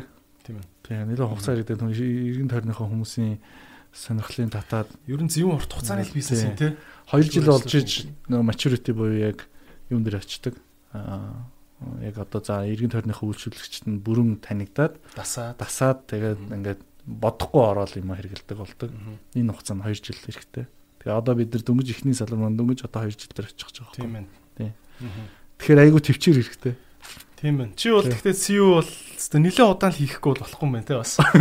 Тэ? Нэлээд яг бидний хувьд бол одоо нөгөө үндсэндээ нөгөө нэг гэрээ зурснаас хойш ингээд бараг 2 жил болчихж байна. Тэр хугацаанд аюух нөө хаавала. Одоо бол нөгөө нэг ингээд юм сонсоод тэрийг ингээд газар дээр хийж үзээд туршиж үзээд аюу олон зүйл ойлгоод одоо яг нөгөө огцом өсөлтийнхөө үе дээр хийж ийн л гэж би хараад байна л та. Nice. Окей. За тэгээд одоо ингээд коронавирус вирус гэдээ бас айгүй маш олон бизнесүүд их хэцүү байдалд орж байна те. Аа түрээс одоо юу гэдэг хамаг юм нэхэгдэл ажилтны цалин сул төгсөлтийн цалин өгж байгаа те хуулиараа 60% өгдөг үлээ те. Тийм тэгээд зарим газар тохиролцож шиг байна те. Аа хэцүү үе байна тэгээд бас танай бизнес бас сайхан даваад уршаа явах болтугай гэж өрөөй. За тэгээ ингээ CEO гэдэг сэдвээс ингээ гарыг. Яриад л үүдээ ингээл аюу сонирхол асуумаар байна. За окей хоёлоо технологи юм. Аа тэр тусмаа бүр IT холбоо тий одоо бас нисгийн салбар ч гэсэн сонирхдаг шүү дээ тий. Чинзооч бид хоёр бас онгоц нислэг мислэг айгүйх ярих дуртай тий. Аа технологийн салбарууд дээр юу болоод байна? Чи технологитой ер нь хэр холбогдож ажиллаж байна? Сүүлийн үеийн сонин сайхан. Аа. Бид нөгөө одоо өмнө нь бол харилцаа холбооны газар байхад нэг харилцаа холбооны бодлого хариуцж байхад бол яг тэр технологи, IT энтрийн талаар нөгөө ерөнхийдөө Монголын индастри талаас нь харж ажиллаж байсан. Одоо бол нөгөө жижиглэнгийн худалдааны салбар дээр байгаа. Жижиглэнгийн худалдааны салбар дээр ер нь технологи юу болоод байна гэдгийг ингээд харж байна. Тэгэхээр бид нар одоохондоо яг ингээд Монголд хэрэгжүүлээг байгаа. Гэхдээ глобал тренд нэх юм уу те. Глобал тренд бол бизнесүүд ер нь нэг юм болцсон байна. E-commerce бол жижиглэнгийн одоо би нэг жижиглэнгийн худалдаанд байгаа жижиглэнгийн худалдаа. E-commerce бол жижиглэнгийн худалдааг бүрэн байхгүй болохгүй байна.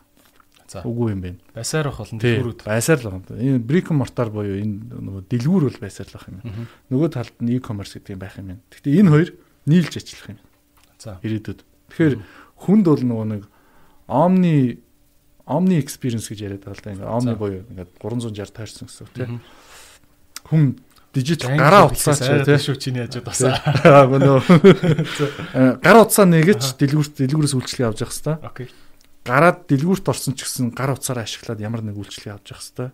Энэ дижитал физикал энэ хоёр юм чинь ингээ хоорондоо бүрэн ингээ хооронд нийлэх хэвээр гэдэг концепт явж байна. Тэгэхээр нөгөө нэг юу гэдэг тэр одоо Walmart, Target энэ чинь сүүлийн үед e-commerce-аар амар хүчтэй явж эхэлж байна л да. Тэгээд нөгөө нэг Target бол Target гэдэг Америкийн том сүлжээ байгаа тий том супермаркет.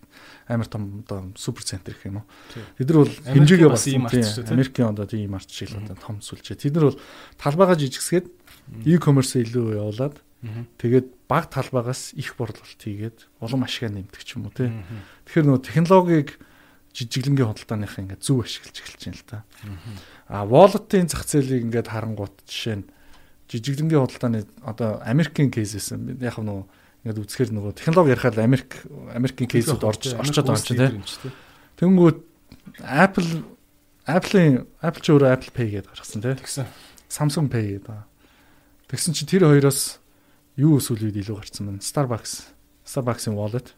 Оо цаа. Тэнгүүд энэ юуг харуулж байгаа нөхөд Америк хүм ихэнх хүмүүс өглөө болгон Starbucks-аас кофе авч байна тий. Тэгэхээр тэр нэг өдөр болгон харилцдаг брэндтэйгээ дижиталаар ингээд холбогдож чадвал тэнд жинхэнэ бодит хэрэглээ бий болж байна. Тэрнээс биш үгүй би нэг хаа нэг газар хаяа нэг газар Apple Pay гаргаж ирээд ашиглах юм сонь биш. Би өдөр болгон Starbucks дээр очиод Тэгэхээр баг CU wallet гэж гарах гэдэг нүг юу? Тэгээ бид нар одоо CU app-ыг гаргацсан. Эн чинь бол wallet-ийн эхлэл байхгүй юу? Тэгэхээр эн чинь өөрөө ингээ оноо цуглаж байгаа чинь wallet шүү дээ. Одоо бид зөв энэ дотор мөнгө л оруулаагаа болох. Солонгост манай найз надад яг харуулжсэн л та. Какао дээр ингээд би энэ лүгээс CU-гийн кофений зураг шидчихсэн юм байлээ. Тэгээд шидэхдээ ингээд гоё ерөөлтэй миний найз бие бодорой гэд ингэнгүүт тэр QR кодыг барьж уцаа барьж доошоо гэрийн доотлын CU руу оронгуудаа дан уншуулад лангуун дээрээс нь кофе аваад гэрлээ буцаа орчихсон юм л тий. Тий. Тэр нөх хүргэлт гэдэг имийг бас ингэж дунд нь байхгүй болгоод шүү дээ. Тэгээ яг энэ энэ энэ чиглэл рүү яг бид нэр одоо ихэд хэдэн байгууллагатай бас яг хамтраад юм хийж одоо нөө CU-гийн яриаар буцаа орчлоо тий. Технологи ярьжсэн. Тэгтээ яг энэ дижитал дээр бол одоо би яг сүүлийн үед анзаарч байгаа зүйлсүүд нь яг нөө индустритэй холбоотой юм анзаараад байгаа нь wallet гэдэг юм бол одоо Монголд аягүй олон wallet гарч иж байна л та. Гэхдээ энэ wallet-ууд амжилттай болохын тулд яг өдөр болгон хүний хэрэгэлдэг брендтэй цуг ажиллах хэрэгтэй. Ингэж л амжилттай болох юм байна. Тэгжиж энэ технологи гэдэг юм чи амьдрах юм байна. Яг бид нар ингээд технологи гэдээ ярихаараа айгүй тийм өрөөсгөл юмыг ойлгоод байдаг юм шиг санагдав. Нэг айгүй хайптай ярьдаг тий. Юу гэх юм хэвлэл мэдээлэлээр яриад ингээл бүгдээрээ сүрчигнээд хас технологи амар шил зүгэл хүнтэй харьцаач боллоо. Тийм амар юм болоод идэг тий. Гэтэл яг бодит амьдрал дээр бол чи бид нар фейсбુકийг хардаг хараага жишээ нь өөрчлөгдсөн юм санагдав. Нэг сошиал медиа хийгээд амар энэ бүр шал өөр боллоо. Бараг л улс орныг одоо яадны өөрчлөх юм юм хийж байна. Нөө энэ бол Facebook бол миний нүд дээр бол энэ бол зар сурталчилгааны компани Зүгээр медиа компани, advertisement компани. Яа модель нь юу гэхээр хүн болгон өөрсдөө контент үүсгэнэ. Тэр контентын завсар Facebook реклам тавина. Тэндээс нь ашиг олно. Тэгээ ийм л модельтэй шүү дээ. Айгүй энгийнээр тийм мөнгөнийх нь урсгалал. Тэгэхээр яг тэрэн шиг бид нар энэ сүүлийн технологиудыг яг амьдрал дээр яаж хэрэглэх юм тэр нь яавал яг яг хүндээ очиж үнцэнтэй наалтах юм те тэрийг аягүй санах хэрэгтэй юм. Тэгэхээр Тэр тал дээр бол сүүлийн хараад хахад энэ жишээ нь e-commerce гэдээ ярьж байгаа юм бол бусад бүх ритейлүүдтэй ингээд нийлнэ. Энэ бол нэг зүйл. Ерөөсөө жижиглэнгийн худалдаа гэдэг л нэг том зүйл байхгүй. Технологи ороод ирэхээр жижиглэнгийн худалдаа хийжээс арга барилууд нь жоохон өөрчлөгдөд илүү efficient болж эхэлж байгаа тийм. Тэгэхээр нөгөө эцсийн хэрэглэгчдэр үнэн багасчихж байна. Wallet энэ технологи ярих юм бол хүнийхээ өдөр тутмын хэрэгэлдэг брэндтэйгээ илүү наалт бол илүү амжилттай болт юм байна гэдэг кейсүүд нь тодорхой болчихж байна. Окей. Яг л ийм чиглэл рүү бүх юм явж байна л та. Аа Чинзоо ч улсад хэдэн жил ажиллаа юугаар төрийн байгууллагатай тий. Агентлаг гэж байгаа хүмүүс бас ойлгохгүй ч магадгүй тий. Юу агентлаг яадаг вүлээ. Тий. Тэр болохоор ерөнхий сайдын харьяа мэдээллийн технологи шууд харилцаа болгоны газар гэж байсан. Одоо болохоор харилцаа болгоно мэдээллийн технологийн газар гэдэг нэртэй. Тэр ямар байгууллага вэ гэхээр төрийн харилцаа болгоны харилцаа болгоны мэдээллийн технологийн салбарын бодлого тодорхойлдог газар. За тэрэнд болохоор юу ах тэр сүртэй. Тий, сүртэй. Тий. Тэг яг гоо хийдэг ажил нь болохоор нэгдүгürt нь одоо энгийнээр их юм бол өөрийн холбоо яаж цаашаа өгчих юм. Тэгээ энэ Mobicom Skype Limited тийм мобайл цаашаа яаж өгчих юм. Энэ өргөн нэвтрүүлгийн телевизүүд яах юм. Энэ кабелийн телевизгээд олон одоо олон сувгийн олон телевизүүдийг нийлүүлээд ингээд цацж байгаа айлаа тий. Одоо Invision гэх юм уу тий. Эднэр яаж цаашаа хөгжих юм. IT-ийн компаниуд яаж хөгжих юм сансрын холбоо яаж өгчих юм, шуудан яаж өгчих юм гэдэг энийг дандаа гаргадаг. Тэгээд нөө хууль санаачилдаг, журам санаачилдаг. Би бол ойлгохтой гэж бодод байгаа шүү дээ. Нөө иргэний нисхийн ерхий газар гэдэг шүү дээ. Бүх одоо авиа компаниудаа зохицуулдаг. Аа замтээвэр юуны аа А тийм замтээвэр хөгжлийн яам уу? Замтээвэр хөгжлийн яам тий. Аа биш бас юуны газар гэдэг шүү дээ. Авто автотээврийн хөгжлийн үндэсний хөгжлийн газар юу лээ. Тий, тий. Тэг яг энэ автийнхаа бүх юмыг баацдаг тий. Тэр шиг л одоо мэдээллийн технологийн бүх Тэг гэсэн зохицуултыг хийдэг. Тийм. Тэгээ харилцаа онооны салбар дээр бол нөө хоёр байгууллага гэдэг. Нэг нь болохоор бодлого тодорхойлдог байгууллага, нөгөөх нь болохоор регулятор бай зохицуулдаг байгууллага, харилцаа онооны зохицуулахаар байгууллага. Би миний ажиллаж байсан болохоор яг тэ бодлого тодорхойлдог байгууллага. Тэгээ тэр байгууллагт би ойлгохтой бол хоёулаа хамт Америк Америк явж ирсэн те. Аа яг Америкийн технологийн компаниудаар бас яваал те. Энэ үед ер нь би чанг ойлгохдоо айгүйх тийм судалгаа хийдэг мессен дэр байсан болов уу гэж ойлгосон. Тэгээ тэд нар болохоор э, нэг иймэрхүү л асуудал байсан. IT-ийн компаниуд Монголд IT-ийн компаниуд ингээд э, гадагшаа гармаар байна. Тий. Гадаад зах зээл рүү яаж нэвтрэх вэ? Тэр дээр нь төр яаж дэмжих юм бэ гэдэг ингээд нэлээд судалгаа хийж үзээд тэгээ үндсэндээ яг та ойлгохгүй болсоо тий яаж гарахаач ойлгохгүй болсоо ерөнхийдөө очиод за нөхцөл байдал нь ямар байдгийг Тэндээ одоо Silicon Valley гэдэг байгаа тэр зүйл чинь яаж үүссэн? Одоо ямар байдалтайгаар яг компаниуд нь бий болд ингээл нөгөө хувийнхаа улсынхын нийлэл тийм нөгөө startup grinder очоод тийм тэгээ Hosla Ventures Center яаж тэр сонголтоо хийж бүх юм сонсоод VC нүдтэй уулзаал тэр одоо тэр нөгөө хуулийн фирмүүдтэй нь уулзаал яаж компани агуулах вэ? Яаж явдیں۔ Бүх юм ойлгох гэж л хичээж байгаа байхгүй. Тэгчээд тэрийгээ ирээд за Монгол компаниуд ер нь ингэж явсан дээр юм байна да гэдэг зөвлөмж гаргах юм байна гэж бодож ирсэн. Гэтэл энэ яг үндэ бол нэлээд бас юу ажиллалаа. Тийм амар ажил биш үлээ. Бүр дээрээсээ юу гэдэг нь бүр нөө улсынхаа хөгжлийнхөө зорилтоор за яг энэ технологийн компаниудаар л бид нэр ирээдүйд хоолоо олж идэнэ гэсэн коммитмент байхгүй бол тийм том шийдвэр байхгүй бол хийж болохооргүй л ажиллалаа. Гэхдээ сайн юм гэвэл э, тэр төрийн байгууллагаас үл хамааран одоо жишээ нь And Global тий очил гадны хөрөнгө оруулалтууд аваад дараа дараагийнхаа round of investment-үүд аваад энд болохоор Монголд болохоор эндемент гэл ажилтаа прожект хэрэгжүүлээл. Тэрнээс гадна өөр бас галгаа тий. Өөр олон компаниуд ингээл гадаад руу гараад л шүү дээ. Тэгэхээр энэ бол айгүй тийм гоё юутай явж байна л та. Одоо бол яг гоё зам дээр гарцсан явж байна л гэж бодоод байна. Технологи компани. Аа технологи гэдээ ярихаар амар том сэдв болчдөг. Бас хүмүүс ингээл заа заа энэ компьютерийн програм маргам сонирхдаг нөхдүүд нь л одоо сонирх нь үз гэдэг. Ингээ хайчдаг те. Тиймэрхүү юмнууд байдаг. Аа чиний хувьд технологиг тэ түр хоёлаа яаж харддаг чинь бас ярилцсан. Тийм үү? Айгүй энгийнээр тайлбарлавал ямар мэрэгчлээ хүмүүс технологиг ер нь яаралтай сайн ойлгож явах хэрэгтэй вэ гэж чи бодож байгаа вэ?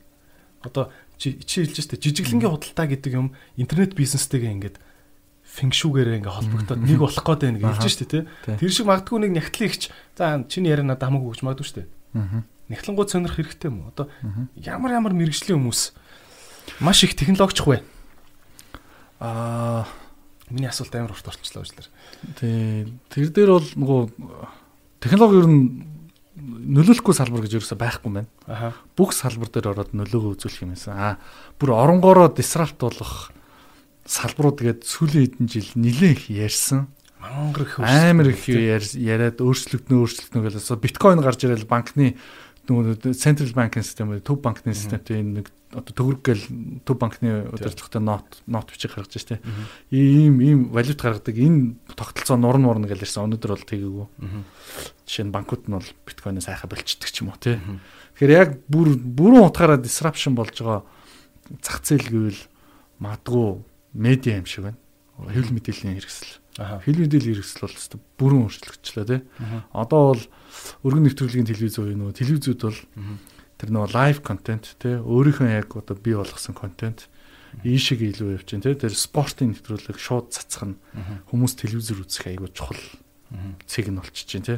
Эсвэл одоо нөгөө Монгол бид нар одоо Монголд бол Voice of Mongolia бодвол бүтэн сайд бүгд үзэж байгаа те. Тийм гоё продакшн хийсэн. Яг зөвхөн тэр суугаар гардаг тийм контент руу илүү анхаарсан. Тэгэл мэдээ үзэж ах шиг юм те. Одоо бусд нь бол тэгэл яг үнэндээ бол киног одоо телевизээр үзэн гэдэг нь өөрөө айгу утга болчих шиг боллоо тий.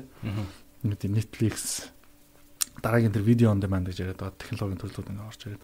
Тэгэхээр миний харж байгаагаар тэр медиа зар сурталчилгааны зах зээл бол бүр үнэхэр үнэхэр disruption болоод яг тэгээд энэ үйл явц 12 оноос эхлээд айгүй хүчтэй явхад Монголын телевизүүд бүгдээрээ ашиггүй болч эхэлсэн. Тэгэл сандралдаал хоорондоо ингээл юу гэдэг те зах зээл үлдэж байгаа зах зээлээ булаацалтал хоорондоо баахан асуудал үүсэж байгаа шүү дээ. Тэгтэл яг үнэндээ бол хинд том disruption явуулчих чинь нөхөр Facebook. Facebook ч одоо Монголоос мангар хэшиг болдог. Тийм. Facebook руу хитэн төгрөг урсж байгаач бид нар мэдэхгүй байхгүй. Тэгэхээр тэр бол Facebook зүгээр чимээгүй суучаад Монголын телевизийн зах зээлийг боснолчаал. Тэгээ боснолчж байгаа байхгүй үндсэндээ ингээд гол зар сурчлагын цэг нь болчихж тийм. Иймэрхүү маягаар медиа бол үнэхээр яг технологи руу шилжиж байна. Аа технологид гэхдээ нөө бүрэн disrupt хийлгээгүй технологиг өстэй үнэхээр сайн ашиглаж байгаа нь бол санхүүгийн үйлчлэгээ нь тийм. Санхүүгийн үйлчлэгээ бол үнэхээр төгс ашиглаж байгаа шүү. Тийм. Одоо Монголд бол яг ингээд нөө өөрийн холбооны оператор 4G энтер сайн оруулаад ирэнгүүт араас нь банк, мобайл банкны аппликейшнууд гараад эхлэхээр салбаруудаа тоогоо зөөлж эхэлж шít банкуд. Тэр хэмжээгээр хамаагүй үр ашигтай ажиллаж эхэлж байгаа. Тэгэхээр ашиг нэмэгдэж байгаа. Дуудахгүй эм банк гэдэг баг салбаргүй банк, онлайн банк гарах гэдэг лицензээ хүлээж ийн гэдэг байгаа тийм. MCC-ийн бэлж байгаа төсөл байгаа тийм. Тэгэхээр ингээ бодох юм бол ер нь нөгөө эдийн засгийн утгаараа айгүй илүү үр ашигтай. Тэгээд бид нэр хэрэглэгч зүгээс ч гэсэн хэрэглэхэд айгүй хялбар те. Санхүүгийн зах зээл ингэж байна. Аа дараагийн юм нь бол мэдээж тийм жижиглэнгийн хөдөлтаан дээр айгүй том импакт нь орж ирж байгаа шиг байна. Тий. Аа тэрний дараагийн бас нэг чухал юм нь болохоор яг нөгөө энэ бол гэхдээ яг одоо яг болно л гэдээ яриад байгаа. Би яг үнэхээр тийм болох уугүй нь яг сайн хэлж мэдэхгүй. Хуулийн салбар. Хууль дээр болохоор гол нь нөгөө нэг хуулийн одоо бичиглэл гэдэг бол яг логикоор үрдэг. Тэгэхээр логикоор үрж болдог өгүүлбэр гэдэг чинь машинаар хийж болно гэсэн үг. Тэгэхээр одоо нөгөө нэг нөгөө хүн болгоны одоо яриад байгаа тий. Тэр химэл оюун ашиглаад машин лерний ашиглаад ингээд шүүгч хэрэггүй тэнд ингээд бүх хуулийн юмнуудыг дэр гэж уншаад тий нөгөө нэг одоо юу гэдэг дүрм журм боловсруулдаг, хууль боловсруулдаг тий. Энэ одоо гэрээ боловсруулдаг энэ ажлууд бол бүгд ингээд disrupt болох юм. Би бол disrupt болох юм байна гэж итгээд байгаа. Disrupt болно гэдэг нь утгаар оронгороо бужигнан эргэлдэх гэсэн. Бүх бүлгөө хуучин хийжсэн бизнес модель тэгээ тэр үүсгэжсэн үн цэн бүр шал өөр тийш шилжээ явчих хэлж байгаа шүү дээ. Тийм ээ. Окей. За хоёлаа зүгээр арай нэг юм аж амьдрал дээр наалдуулж ярил л да тий. Аа мэдээж технологи ярихаар дандаа ирээдүй ярьдаг. Ирээдүй ярихаар ихэнх хүнд бүрхэг харагдах талдаа байдаг тий аа мэдхгүй гэдэг те. За тэгвэл яг өнөөдрийн байдлаар за би бас зочдоос бас асуугаад байгаа л та. Чам дээр нэг 3 дүү ирлээ гэдэг асуулт зохиож байгаа байхгүй би. За. За чам дээр нэг дүү ирж байгаа заа. Танаа үйл дүү чинь за. Манай хоёрын дүү за. За 20 за 20 ч биш ээ 17 настай заа. 17 настай эмэгтэй хүүхэд. Хөө их сургууль мохруулд орох чаа. Ахаа нэг код бичиж сур гэдэг ахын яах вэ гэрээ заа. Аа Чи хэлэх вэ? Яг нь хөөхөн инженер талын юм сонирхчул сонирхчоор өхөн дүү хүрээд ирвэл чи ямар зөвлөгөө өгөх вэ? Оо би шууд сурал гэж хэлнэ. Яагаад гэвэл код бичиж сурахад хамгийн гол юм нь лог түрүү ярьдаг лог өөрөх байгаа тийм. Ямиг ингээд цэгцтэй шатараатай логикийн хувьд зөв өрж сурах. Энэ нь маш чухал. Тэр програмчлалын хэл сурахтаа биш. За тэр одоо алгоритм гэж. Алгоритмыг зохиох тийм алгоритм зохиох. Яг алгоритмуд бол нөгөө нэг цоошин алгоритмын арга барил бол мэдээж дэлхийд тэр хүмүүс ингээд ухаантай улсууд нь зохиог авчиж байгаа. Ихэнх улсууд бол ерөнхийдөө ингээд яг логикоор нь өрөөл энгийн код бичиж байгаа тийм. Энийг сурах нь өөрөө дараа нь ажил ямар ч ажил хийсэн айгу цэгцтэй сэтгэхэд маш хэрэгтэй. Тэр бол яг л юу гэдэг 17 төгт хууль бичиж сурыг журам бичиж сурыг гэж байгаатай адилхан байхгүй. Логик сэтгэлийнхээ хувьд. Тэгэхээр код сурах гэдэг нь магадгүй нөө технологиор аягүй сонирхолтой харж байхдаа хамгийн цаана сурж байгаа чухал дадал нь бол би наа нэг яг харагдаад идэг? Цаана ингэ битүү логик л байгаа тийм цул логик тэр логик хөрөлтийг сурах кодыг их сургуульд заавал одоо компьютерийн програм хангамжийн инженерингийн ангид сурах хэрэгтэй мүү эсвэл чи өстой нөө код академи ч юм уу? Онлайнаар сурцсан зүг зүгээр гэж бодож байна юу гэж тэр дээр бол их сургуулийн юу бол ерөөсө хэрэггүй л гэж байна код бичихэд бол. А их сургуулиуд тэн чинь нөгөө эрдмийн зэрэг хамгаалж байгаа шүү дээ. Тэгээ эрдмийн зэрэг хамгаалахдаа компьютерийн ухаан гэдэг ярьж байгаа. Тэгэхээр компьютерийн ухаан, шинжлэх ухаан чи өөрөө цаана маш олон зүйл байгаа шүү дээ. Яавал яавал хамгийн үр ашигтай компьютинг одоо тооцоол хийх вэ? Тэр гэл те илүү шинжлэх ухааныхаа чиглэл рүү байх хэвээр. Тэнд одоо очичоод хэрвээ зүгээр нэг код бичихийг заалгуулаад сууж байгаа бол тэр хэвээр айгу харамсалтай гарц цагаан гарц болчихно. Тэгээд тийм болохоор нөгөө би нөгөө сүулт нэлээд олон код код заадаг юм академиуд жижиг одоо сургалтын төвөд гарч байгаа. тэдэр бол бас айгүй зөв ажил хийж байна. Ялангуяа хин Infinity-ийн Gabit Nest гэх академи юмс те. Тэр бол айгүй зөв ажил хийж байна л гэж бодод. Тийм. Тэр бол мэрэгжил сургалтын төвөдөл месүд гэдэг шиг тийм тийм л зүйл байхгүй тийм. Тэгтээ кодны тийм. Монголд угаасаа иймэрхүү инженеруудыг хурдтай бэлтгэх бол шаардлага бол ялтчгүй байгаад байгаа тийм. Тийм, ер нь IT дээр одоо сүүлийн нөгөө технологиг бизнесүүд ашиглаад Ястай хэрэгтэй байна. Энд дэр ер нь бид нар IT-га айгу сайн болгох хэрэгтэй байна гэж бүх хүн бүх компаниуд IT дээр ач холбогдол өгöd ирэнгүүт хүний нөөцийн айгу дутагдал үүсэж байна. Тэр нь бол үнэхээр мэдэгдэж байна. Танах бол одоо инженерүүд бол бас ажил давна үстэй. Тий бид нар авдаг. Гэхдээ нөгөө бидний бодол болохоор манах одоо яг IT компани биш, IT-г ашигладаг компани. Тэгэхээр сайн компаниудтай хамтарч ажиллая гэдэг. Тэр компаниудтай хамтраад ажиллангууд биднэрт хүний нөөцийн асуудал байгаа нь харагдаж байгаа байхгүй. Хүний нөөцийн дутагдалд орсон. Тэгээд дөнгөж сургууль төгссөн хүүхдийн цалин ядэрч гэсэн бус салбаруудтай болохоор хамаагүй өндөр болсон. Нэг л ийм л байна л да. Тэгээд технологи дээр. Чи одоо эргээд 17 тоо байсан бол 16 та банд яг энэ цаг үед эргээд яг энэ ухаантайгаа байсан бол ямар ямар зөвүүн амьдралын алхмуудыг хийх байсан бэ? Аа За чи одоо 16 тай. Тэгэд чамд урт урт чинь 10 жилээ сайхан төлөвлөх одоо орон зай байна те. Тий. Тэр юу юу хийх үү? Хамгийн чухал зүйл нь бол э, нөгөө бид нар чинь нэг юм Улаанбаатар гэдэг Монгол гэдэг ингээд нэг улс байгаа. Айгу том газар нутагтай улс. Гэхдээ яг эдийн засгийнхаа идэвхжлэлээр хам л Улаанбаатар гэж жижиг хот байгаа шүү. Энэ энэ бол аюу жижиг хот. Энэ хүмүүс ирээд хэлдэг бүгдээрээ гадныхан ирээд ирэхдээ энэ бол арал гэж хэлдэг.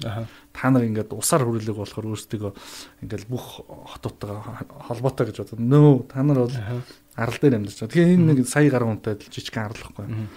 Энэ арал дээр яг 16 хүн байвал би удаан цаг өнгөрөх хүсэхгүй. Эртхэн очоод гадны илүү өрсөлдөөнтэй газар очоод тэнд хурдан өрсөлдөөн дотор гараад юм ойлгох хэрэгтэй. Тэ Аа, ер нь ер нь хурдхан гадагшаагаал явах юм шүү дээ. Тий. Хурдхан гадагшаа очиод юм ойлгоод ирэх хэрэгтэй. Тэгснийхаа дараа эндээ юм хийж өөрчлөх хэрэгтэй. Яг тэгвэл Улаанбаатар дахь өрсөлдөөн тийм ширүүн биш.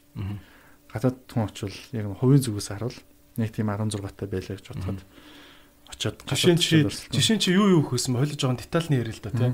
Би өстой ийм ийм юм онлайнаар сураад ийм ийм сургуульд аплайдаад ингэж тэгж газруудаар ажиллаад ийм ах эгч нартай уулзаад гээд чи ингэж нэлээд Итали төлөлөл та байлаа. Төсөөлвөл тий. Ivy League Ivy League-ийн сургууль руу орох гэж үзнэ. За Ivy League руу орж чадаагүй ч гэсэн нэг сургуульд орлоо гэхэд шууд тийшээ очих хэвээр. Ivy League ч одоо нөө Stanford Harvard-ыг ярьж байгаа тий. Томчуудтай. Тий. Тэгээд чадаагүй байсан ч гэсэн тэр сургуультай сурах хэрэгтэй. Тэгчээд хурдхан шиг дадлагын оюутан болоод нэг жижигхэн стартап компанид орох хэвээр. Тэр нь бол доторх бүх юм нь месс гэсэн үг шүү дээ. Доторх бүх юм нь тогтоогүй, замраагүй. Гэхдээ амар хурдтай ажиллаж байгаа. Ийм ийм соёлтой газар ороод тийм газар яадаг вөхөр нөгөө нэг хүний дээр амар их ачаа ирдэг. Тэр нэг хүн дээр аягүй хариуцлага ирдэг. Тэр аяар хариуцлага ирдэг. Тэгэхээр би болог бахтаа амар олон талаас чангаагдах.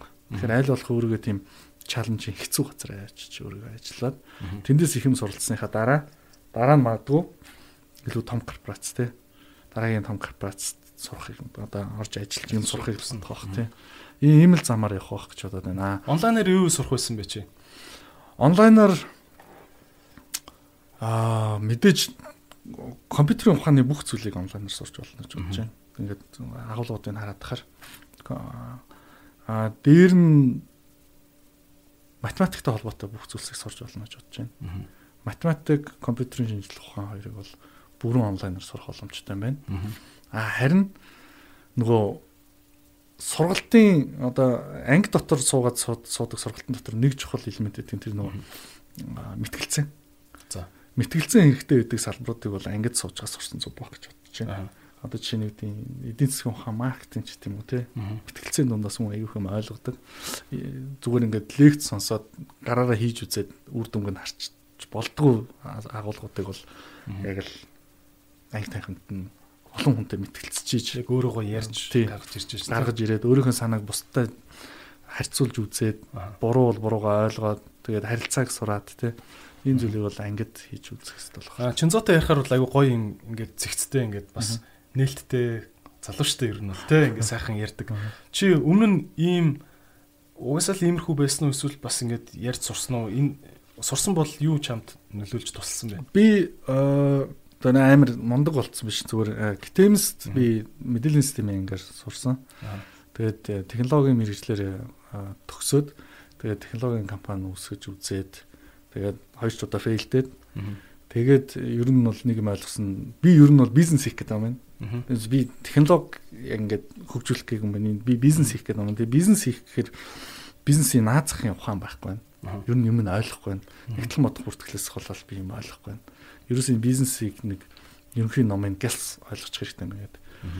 Тэгээ яг Fulbright руу apply хийж байгаа. Нөгөө Fulbright маань Lule-ийг сургууль сургууль руу тэндээс тэтгэлэг олчихсон.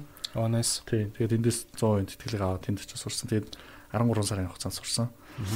13 сарын хугацаанд юу гэдэг сургууль вэ? Lule-ийн сургууль. Lule-ийн сургууль. Kentucky мужид байдаг. Аха. Тийм. Аа тийм айхтар юу Ivy League энтер сургууль биш. Тэгээ Fulbright бол Америкийн хамгийн нэр хүндтэй тэтгэлэг шүү дээ. Тийм Fulbright-ийн тэтгэлгээр лаягээ тэгээ яг санхүүжилт нь бол цаад яг сургууль нь өөрөө 100 гаргасан.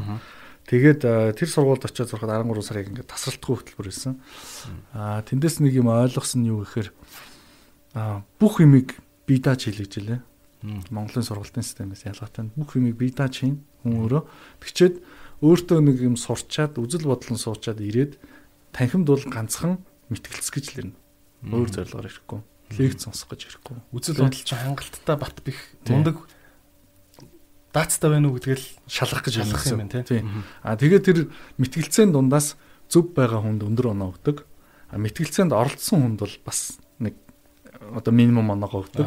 Мэтгэлцээнд оролцохгүй бол хас хол авчдаг. Тэгэхээр хүн заавал мэтгэлцээнд орох хэрэгтэй. Мэтгэлцээнд орохын тулд би унших хэрэгтэй. Тэгэл амьдрч аа их юм уншаал бодоол те. Тэгэл хүмүүстэй ярилцаж үзчихээ бэлтгэж ирэх хэрэгтэй. Тэгэхээр хүн нөгөө тухайн сэдвийн талаар бүр ингээд өөр юм болгоод ирдэг. Тэнс биш багш тэнц зогсчоод эн чи ийм байдэн шүү хүмүүстээ гэдэг ч юм уу. Тийм тогтолцоо ерөөс байхгүй. Тэр тогтолцоо нь тэр сургалтын тогтолцоо нь маш хөгөөжтэй байдаг гэж бодсон. Тэгэхээр нөгөө нэг анги танхимд суучаад энийг ингэдэж шүү эдийн засгийн онол гэхээр ингэдэж шүү. Эзэч тийм юм ерөөс сонсоогүй тэр 13 сарын хугацаанд. Тэр нь айгүй бизнесийн талын юмнууд сурсан уу? Тийм, бизнес MBA-гийн програм байсан. Тэгэхээр бизнестэй холбоотой бүхэл зүйлсүүдийг 13 сарын хугацаанд сонссон. Тэр дотроос нөгөө мэдээч нөгөө сүүл нь Рони чин яриадсан тэр бүх Азууд математик сайн гэдэг шиг математиктэй холбоотой юмнууд нь айгүй сонирхож авсан. Яг л бас харцсангуу амар санагдсан. Санхүүгийн талын зүйлсүүд. Санхүүгийн бүх модулуудыг аваад дуусгасан. Тэгээ одоо ч бас математиктай математик гэснээс бүх бизнесүүд дата гэдэг юм айгүйх юм ярьдаг болчихлоо тий. Одоо ч юу борлогдож чинь хин яаж чинь баг орж гарч байгаа минут бүх юм хэмжээл тий. Энэ их мэдээллийг боловсруулж бизнестэй ашиглахад чинь математик айгүй хэрэг болоод байгаа тий. Танаа танаа одоо яг чиний яг ажил дээр чинь үнэнгээсээ одоо энэ дататай ажиллаад мундаг үр дүн гаргадаг тал байгаа юу? Бага бид нэр яг энийг эндээс маш их үнс ин гарна гэж хардаг. Аа одоо нийт худалдан авалтынхаа түүх тэр датануудыг бүгдийг анализ хийдэг. Тэндээ дахиад яг би өөрөө хүмүүстэй ярьж байгаа баг үсгэсэн маа. Тэр нэг дата анализийн баг.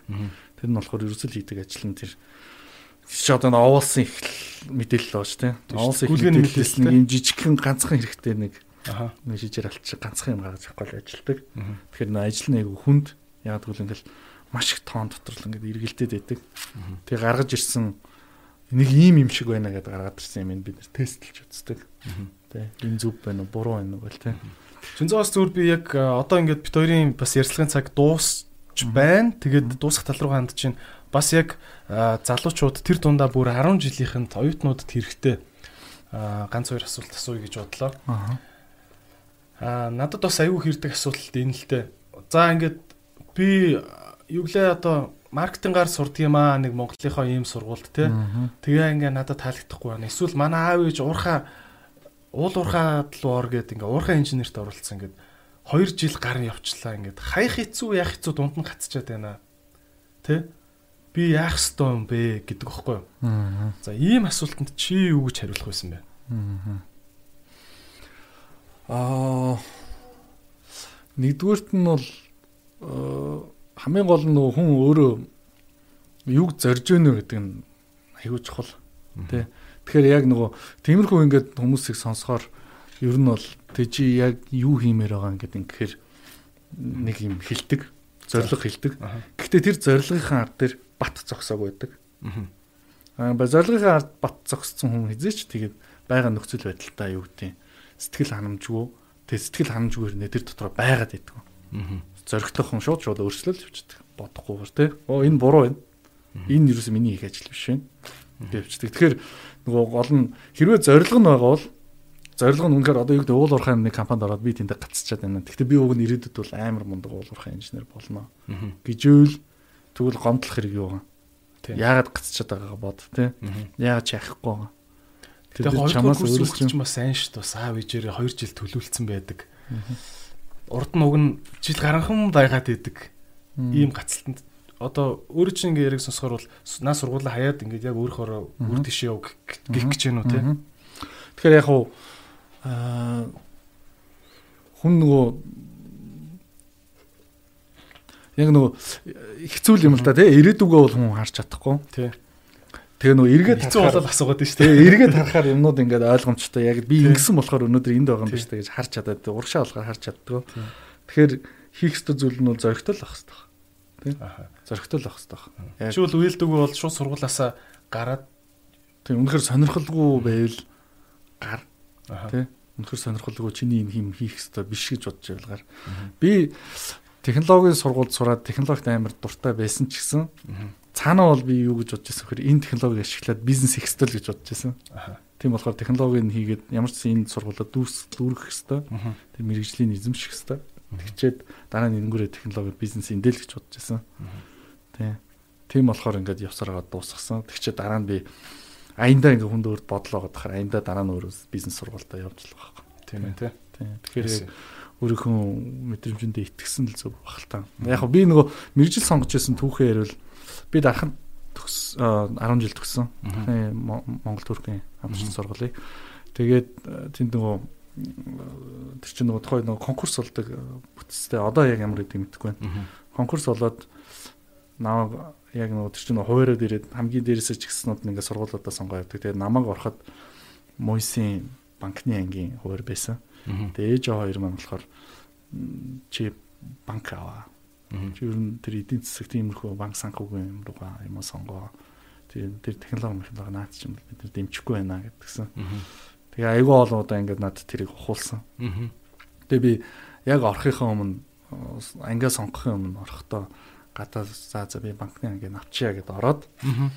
Тэгээ яг сонголтоо хийдэг дээрээ ирсэн чинь хараа нэг л болж байгаа. Энэ миний сонголт ерөөсөө биш юм. Тэгээ эн чинь бол миний ээж аавын хүсэл, энэ миний хүсэл биш те. Тэгээ би шууд КТМС мэдээ програм хангамжийн аваа явуулсан мэдээллийн системийн ангийн сонгоол.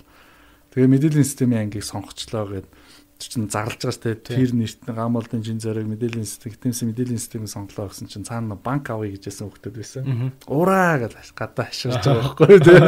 Юм нь үлдээгээ гарч тий. Тий тэнэгчлээ л гэж харж байгаа тий. Тэгээ гарч ирээд явхад ээж хоёр юу ч хэлэхгүй л байгаа тий. Чимээгүй л. За чиний өөрийн сонголт ер нь тэрэн зүг байсан юм. Тий. Тэгэхээр ер нь бол 10 одоо 10 жилээ те одоо одоо ч 10 хэдэн жил гэж ярьдаг лээ. 2 жил үү 1 жил үү? 11 жил те. 12 жил. 12 жил болсон те. За окей. Аа одоо яг 10 жил гэж ярьдэн шүү хүмүүс те. Одоо ингээд энэ дунд сургуулаа төгсөж байгаа дүүнер байвал ер нь бол өөрийнхөө л гус нь бол дээр юм шиг байна те. Эцэг ихийн би бол наадч санал нийлж байна. Тэгээ хамгийн гол нь хүн өөрийнхөө хийсэн сонголтонд айгүй хариуцлагатай байдаг. Тийм болохоор дараа нь хийцэн сонголтынхоо төлөө бүрэн явах чадвартай. Тэрнээс миний өмнөөс юм сонгоод өгсөн байл би тэрийг аль болох бүтлгүй талаас нь гүрих чадвартай алдаагүй бол улам амг шиг тий нэг уртай өөрөө сонголт байсан зөв л. Nice nice. За тэгээд өнөөдрийн маань зочноор та бүхний сайн мэдих CU гэдэг одоо том бизнес байдаг та орохоор CU тавтай маяр л гэлээд шүү дээ тий. За тэр газрыг чинь одоо захирлан чин зөрг гэдэг ийм мундаг технологийн инженер суурьтай бас ингээд бизнесийн сургуульд Америкт төгссөн ийм залуу ирж оролцлоо. Тэгээд Чинзоо бол яг одоо манай одоо ихэр гэж их андуурагддаг. Тий. Ийм залуу байгаа. Тэгээд Чинзоодоо бас орсонд маш их баярлалаа. Аа тэгээд нөгөө нутаг усны мэдлэгээ гэдэг шиг би бас Чинзоос нэг зүйл өсмөр байна. Дахиад энэ подкастыг ер нь л би бол оюутнууд залуучууд сонсож байгаа болов уу гэж бодод байна л да. Дахиад яг ингээд дүүнэртээ гэж бодоод оюутан одоо дунд сургуулийн дүүнерт хандаад хэлэхэд за иймэрхүү маа анхаараараа гэд нэг зөвхөн ахын галтгооны үг хэлээч гэж хүсэж байна. Аа. За ямар ч гэсэн өнөөдрийн нөгөө подкаст оролт урьж оролцуулсан маш их баярлалаа. сайхан зүйлсүүд ярилцлаа. Сайхан мэдрэмж төрж байна. Аа хүмүүс ч гэсэн бас нэг ганц нэг хэрэгтэй зүйлсүүд бас хэлж чадсан бол бас бас баяртай байна. Тэг айгу урт ярьсан те. Аа залуучууд дээр зөвлөхийн тухайд бол нэг юм л айгу чухал юм шиг санагддаг залуучууд дээр. Одоо энэ манай дээр айгу олон залуучууд ордог. Аа ер нь юмд хүрийгвэл өвдөж тараа. Өвдөн. Өвдөдөөл улам тултал нь явах хэрэгтэй.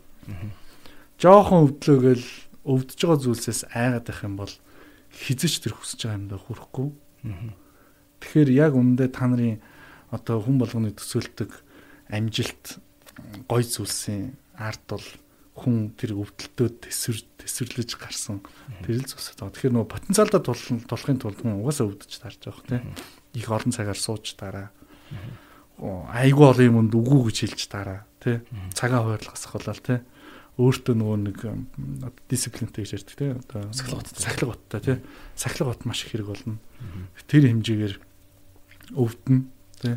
Тэр өвдөлтийг давж гарах нь л ер нь хамгийн чухал үед юм байл гэж надад сүүлийн үед бодогдоод байгаа.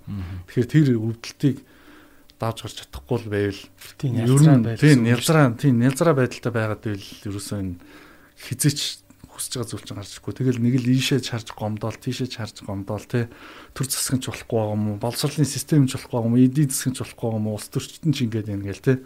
Эсвэл надад ерөөсөө ээж аав маань анхнаасаа гой боловсрол өгөөч гэдэг юм уу? Банкуудын зээлийн хөв өндөрч гэдэг юм уу? Энэ бүхэн бол ерөөсөө асуудал биш. Энэ огт асуудал биш. Гол асуудал бол хүн өөрөө зовхыг хүсэхгүй байгаа учраас эргэн тойрны бүх асуудлаа болохгүй гэж харж эхэлж байгаа тийм. Тэгэхээр өвдөлтийг хүлэн зөвшөөрөөд окей энэ бол хэцүү байх юм байна. Гэхдээ би энэ хэцүүг даваад гарахаар цаана илүү том хэцүү байгаа юм байна. Гэтэл би тэрийг даваад гарна. Дандаа ийм хандлагатай байж чадвал ер нь хүн цэглэлийн малаа тий маш одоо хүсэж байгаа зүйл дээр хүрэх байх л гэж бодож байна. Тэгээд байнга өвдөлттэй амьдарч таараа. Тэрнээс бас тэрийг ингээд одоо юу гэдэг за ингээд идрийг залуучууд бодох тий Ингээл нэг шүү дээ. Ингээд зүгээр сууж яхад амар фаны санаанууд ороод ирдэг гэж бодож байна нөө.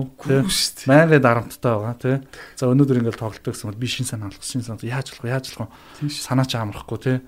Тэгэл хүний юм гарахта санаа чинь зовж гарна тий. Мөрөө орой. Тэгээ тэгэхээр тэрний ард хүн айгүй их цаг гаргаж хичээж идэг тий. Олон зүйл үгүй гэж хэлж яадаг. Энэ л сэтгэлгээний онцлогийг бүгдээрээ суулгах хэрэгтэй байх ч бодож байна л та. Nice. За хэрэгтэй байсан байх гэж бодож байна. Хэрэгтэй юм буу халын өрөөндор идрээс подкастын энэхүү дугаар өндөрлж байна. Тэгээд see you захирал чин зэрэг. За баярлалаа. Баярлалаа. Баярлалаа. За баярлалаа.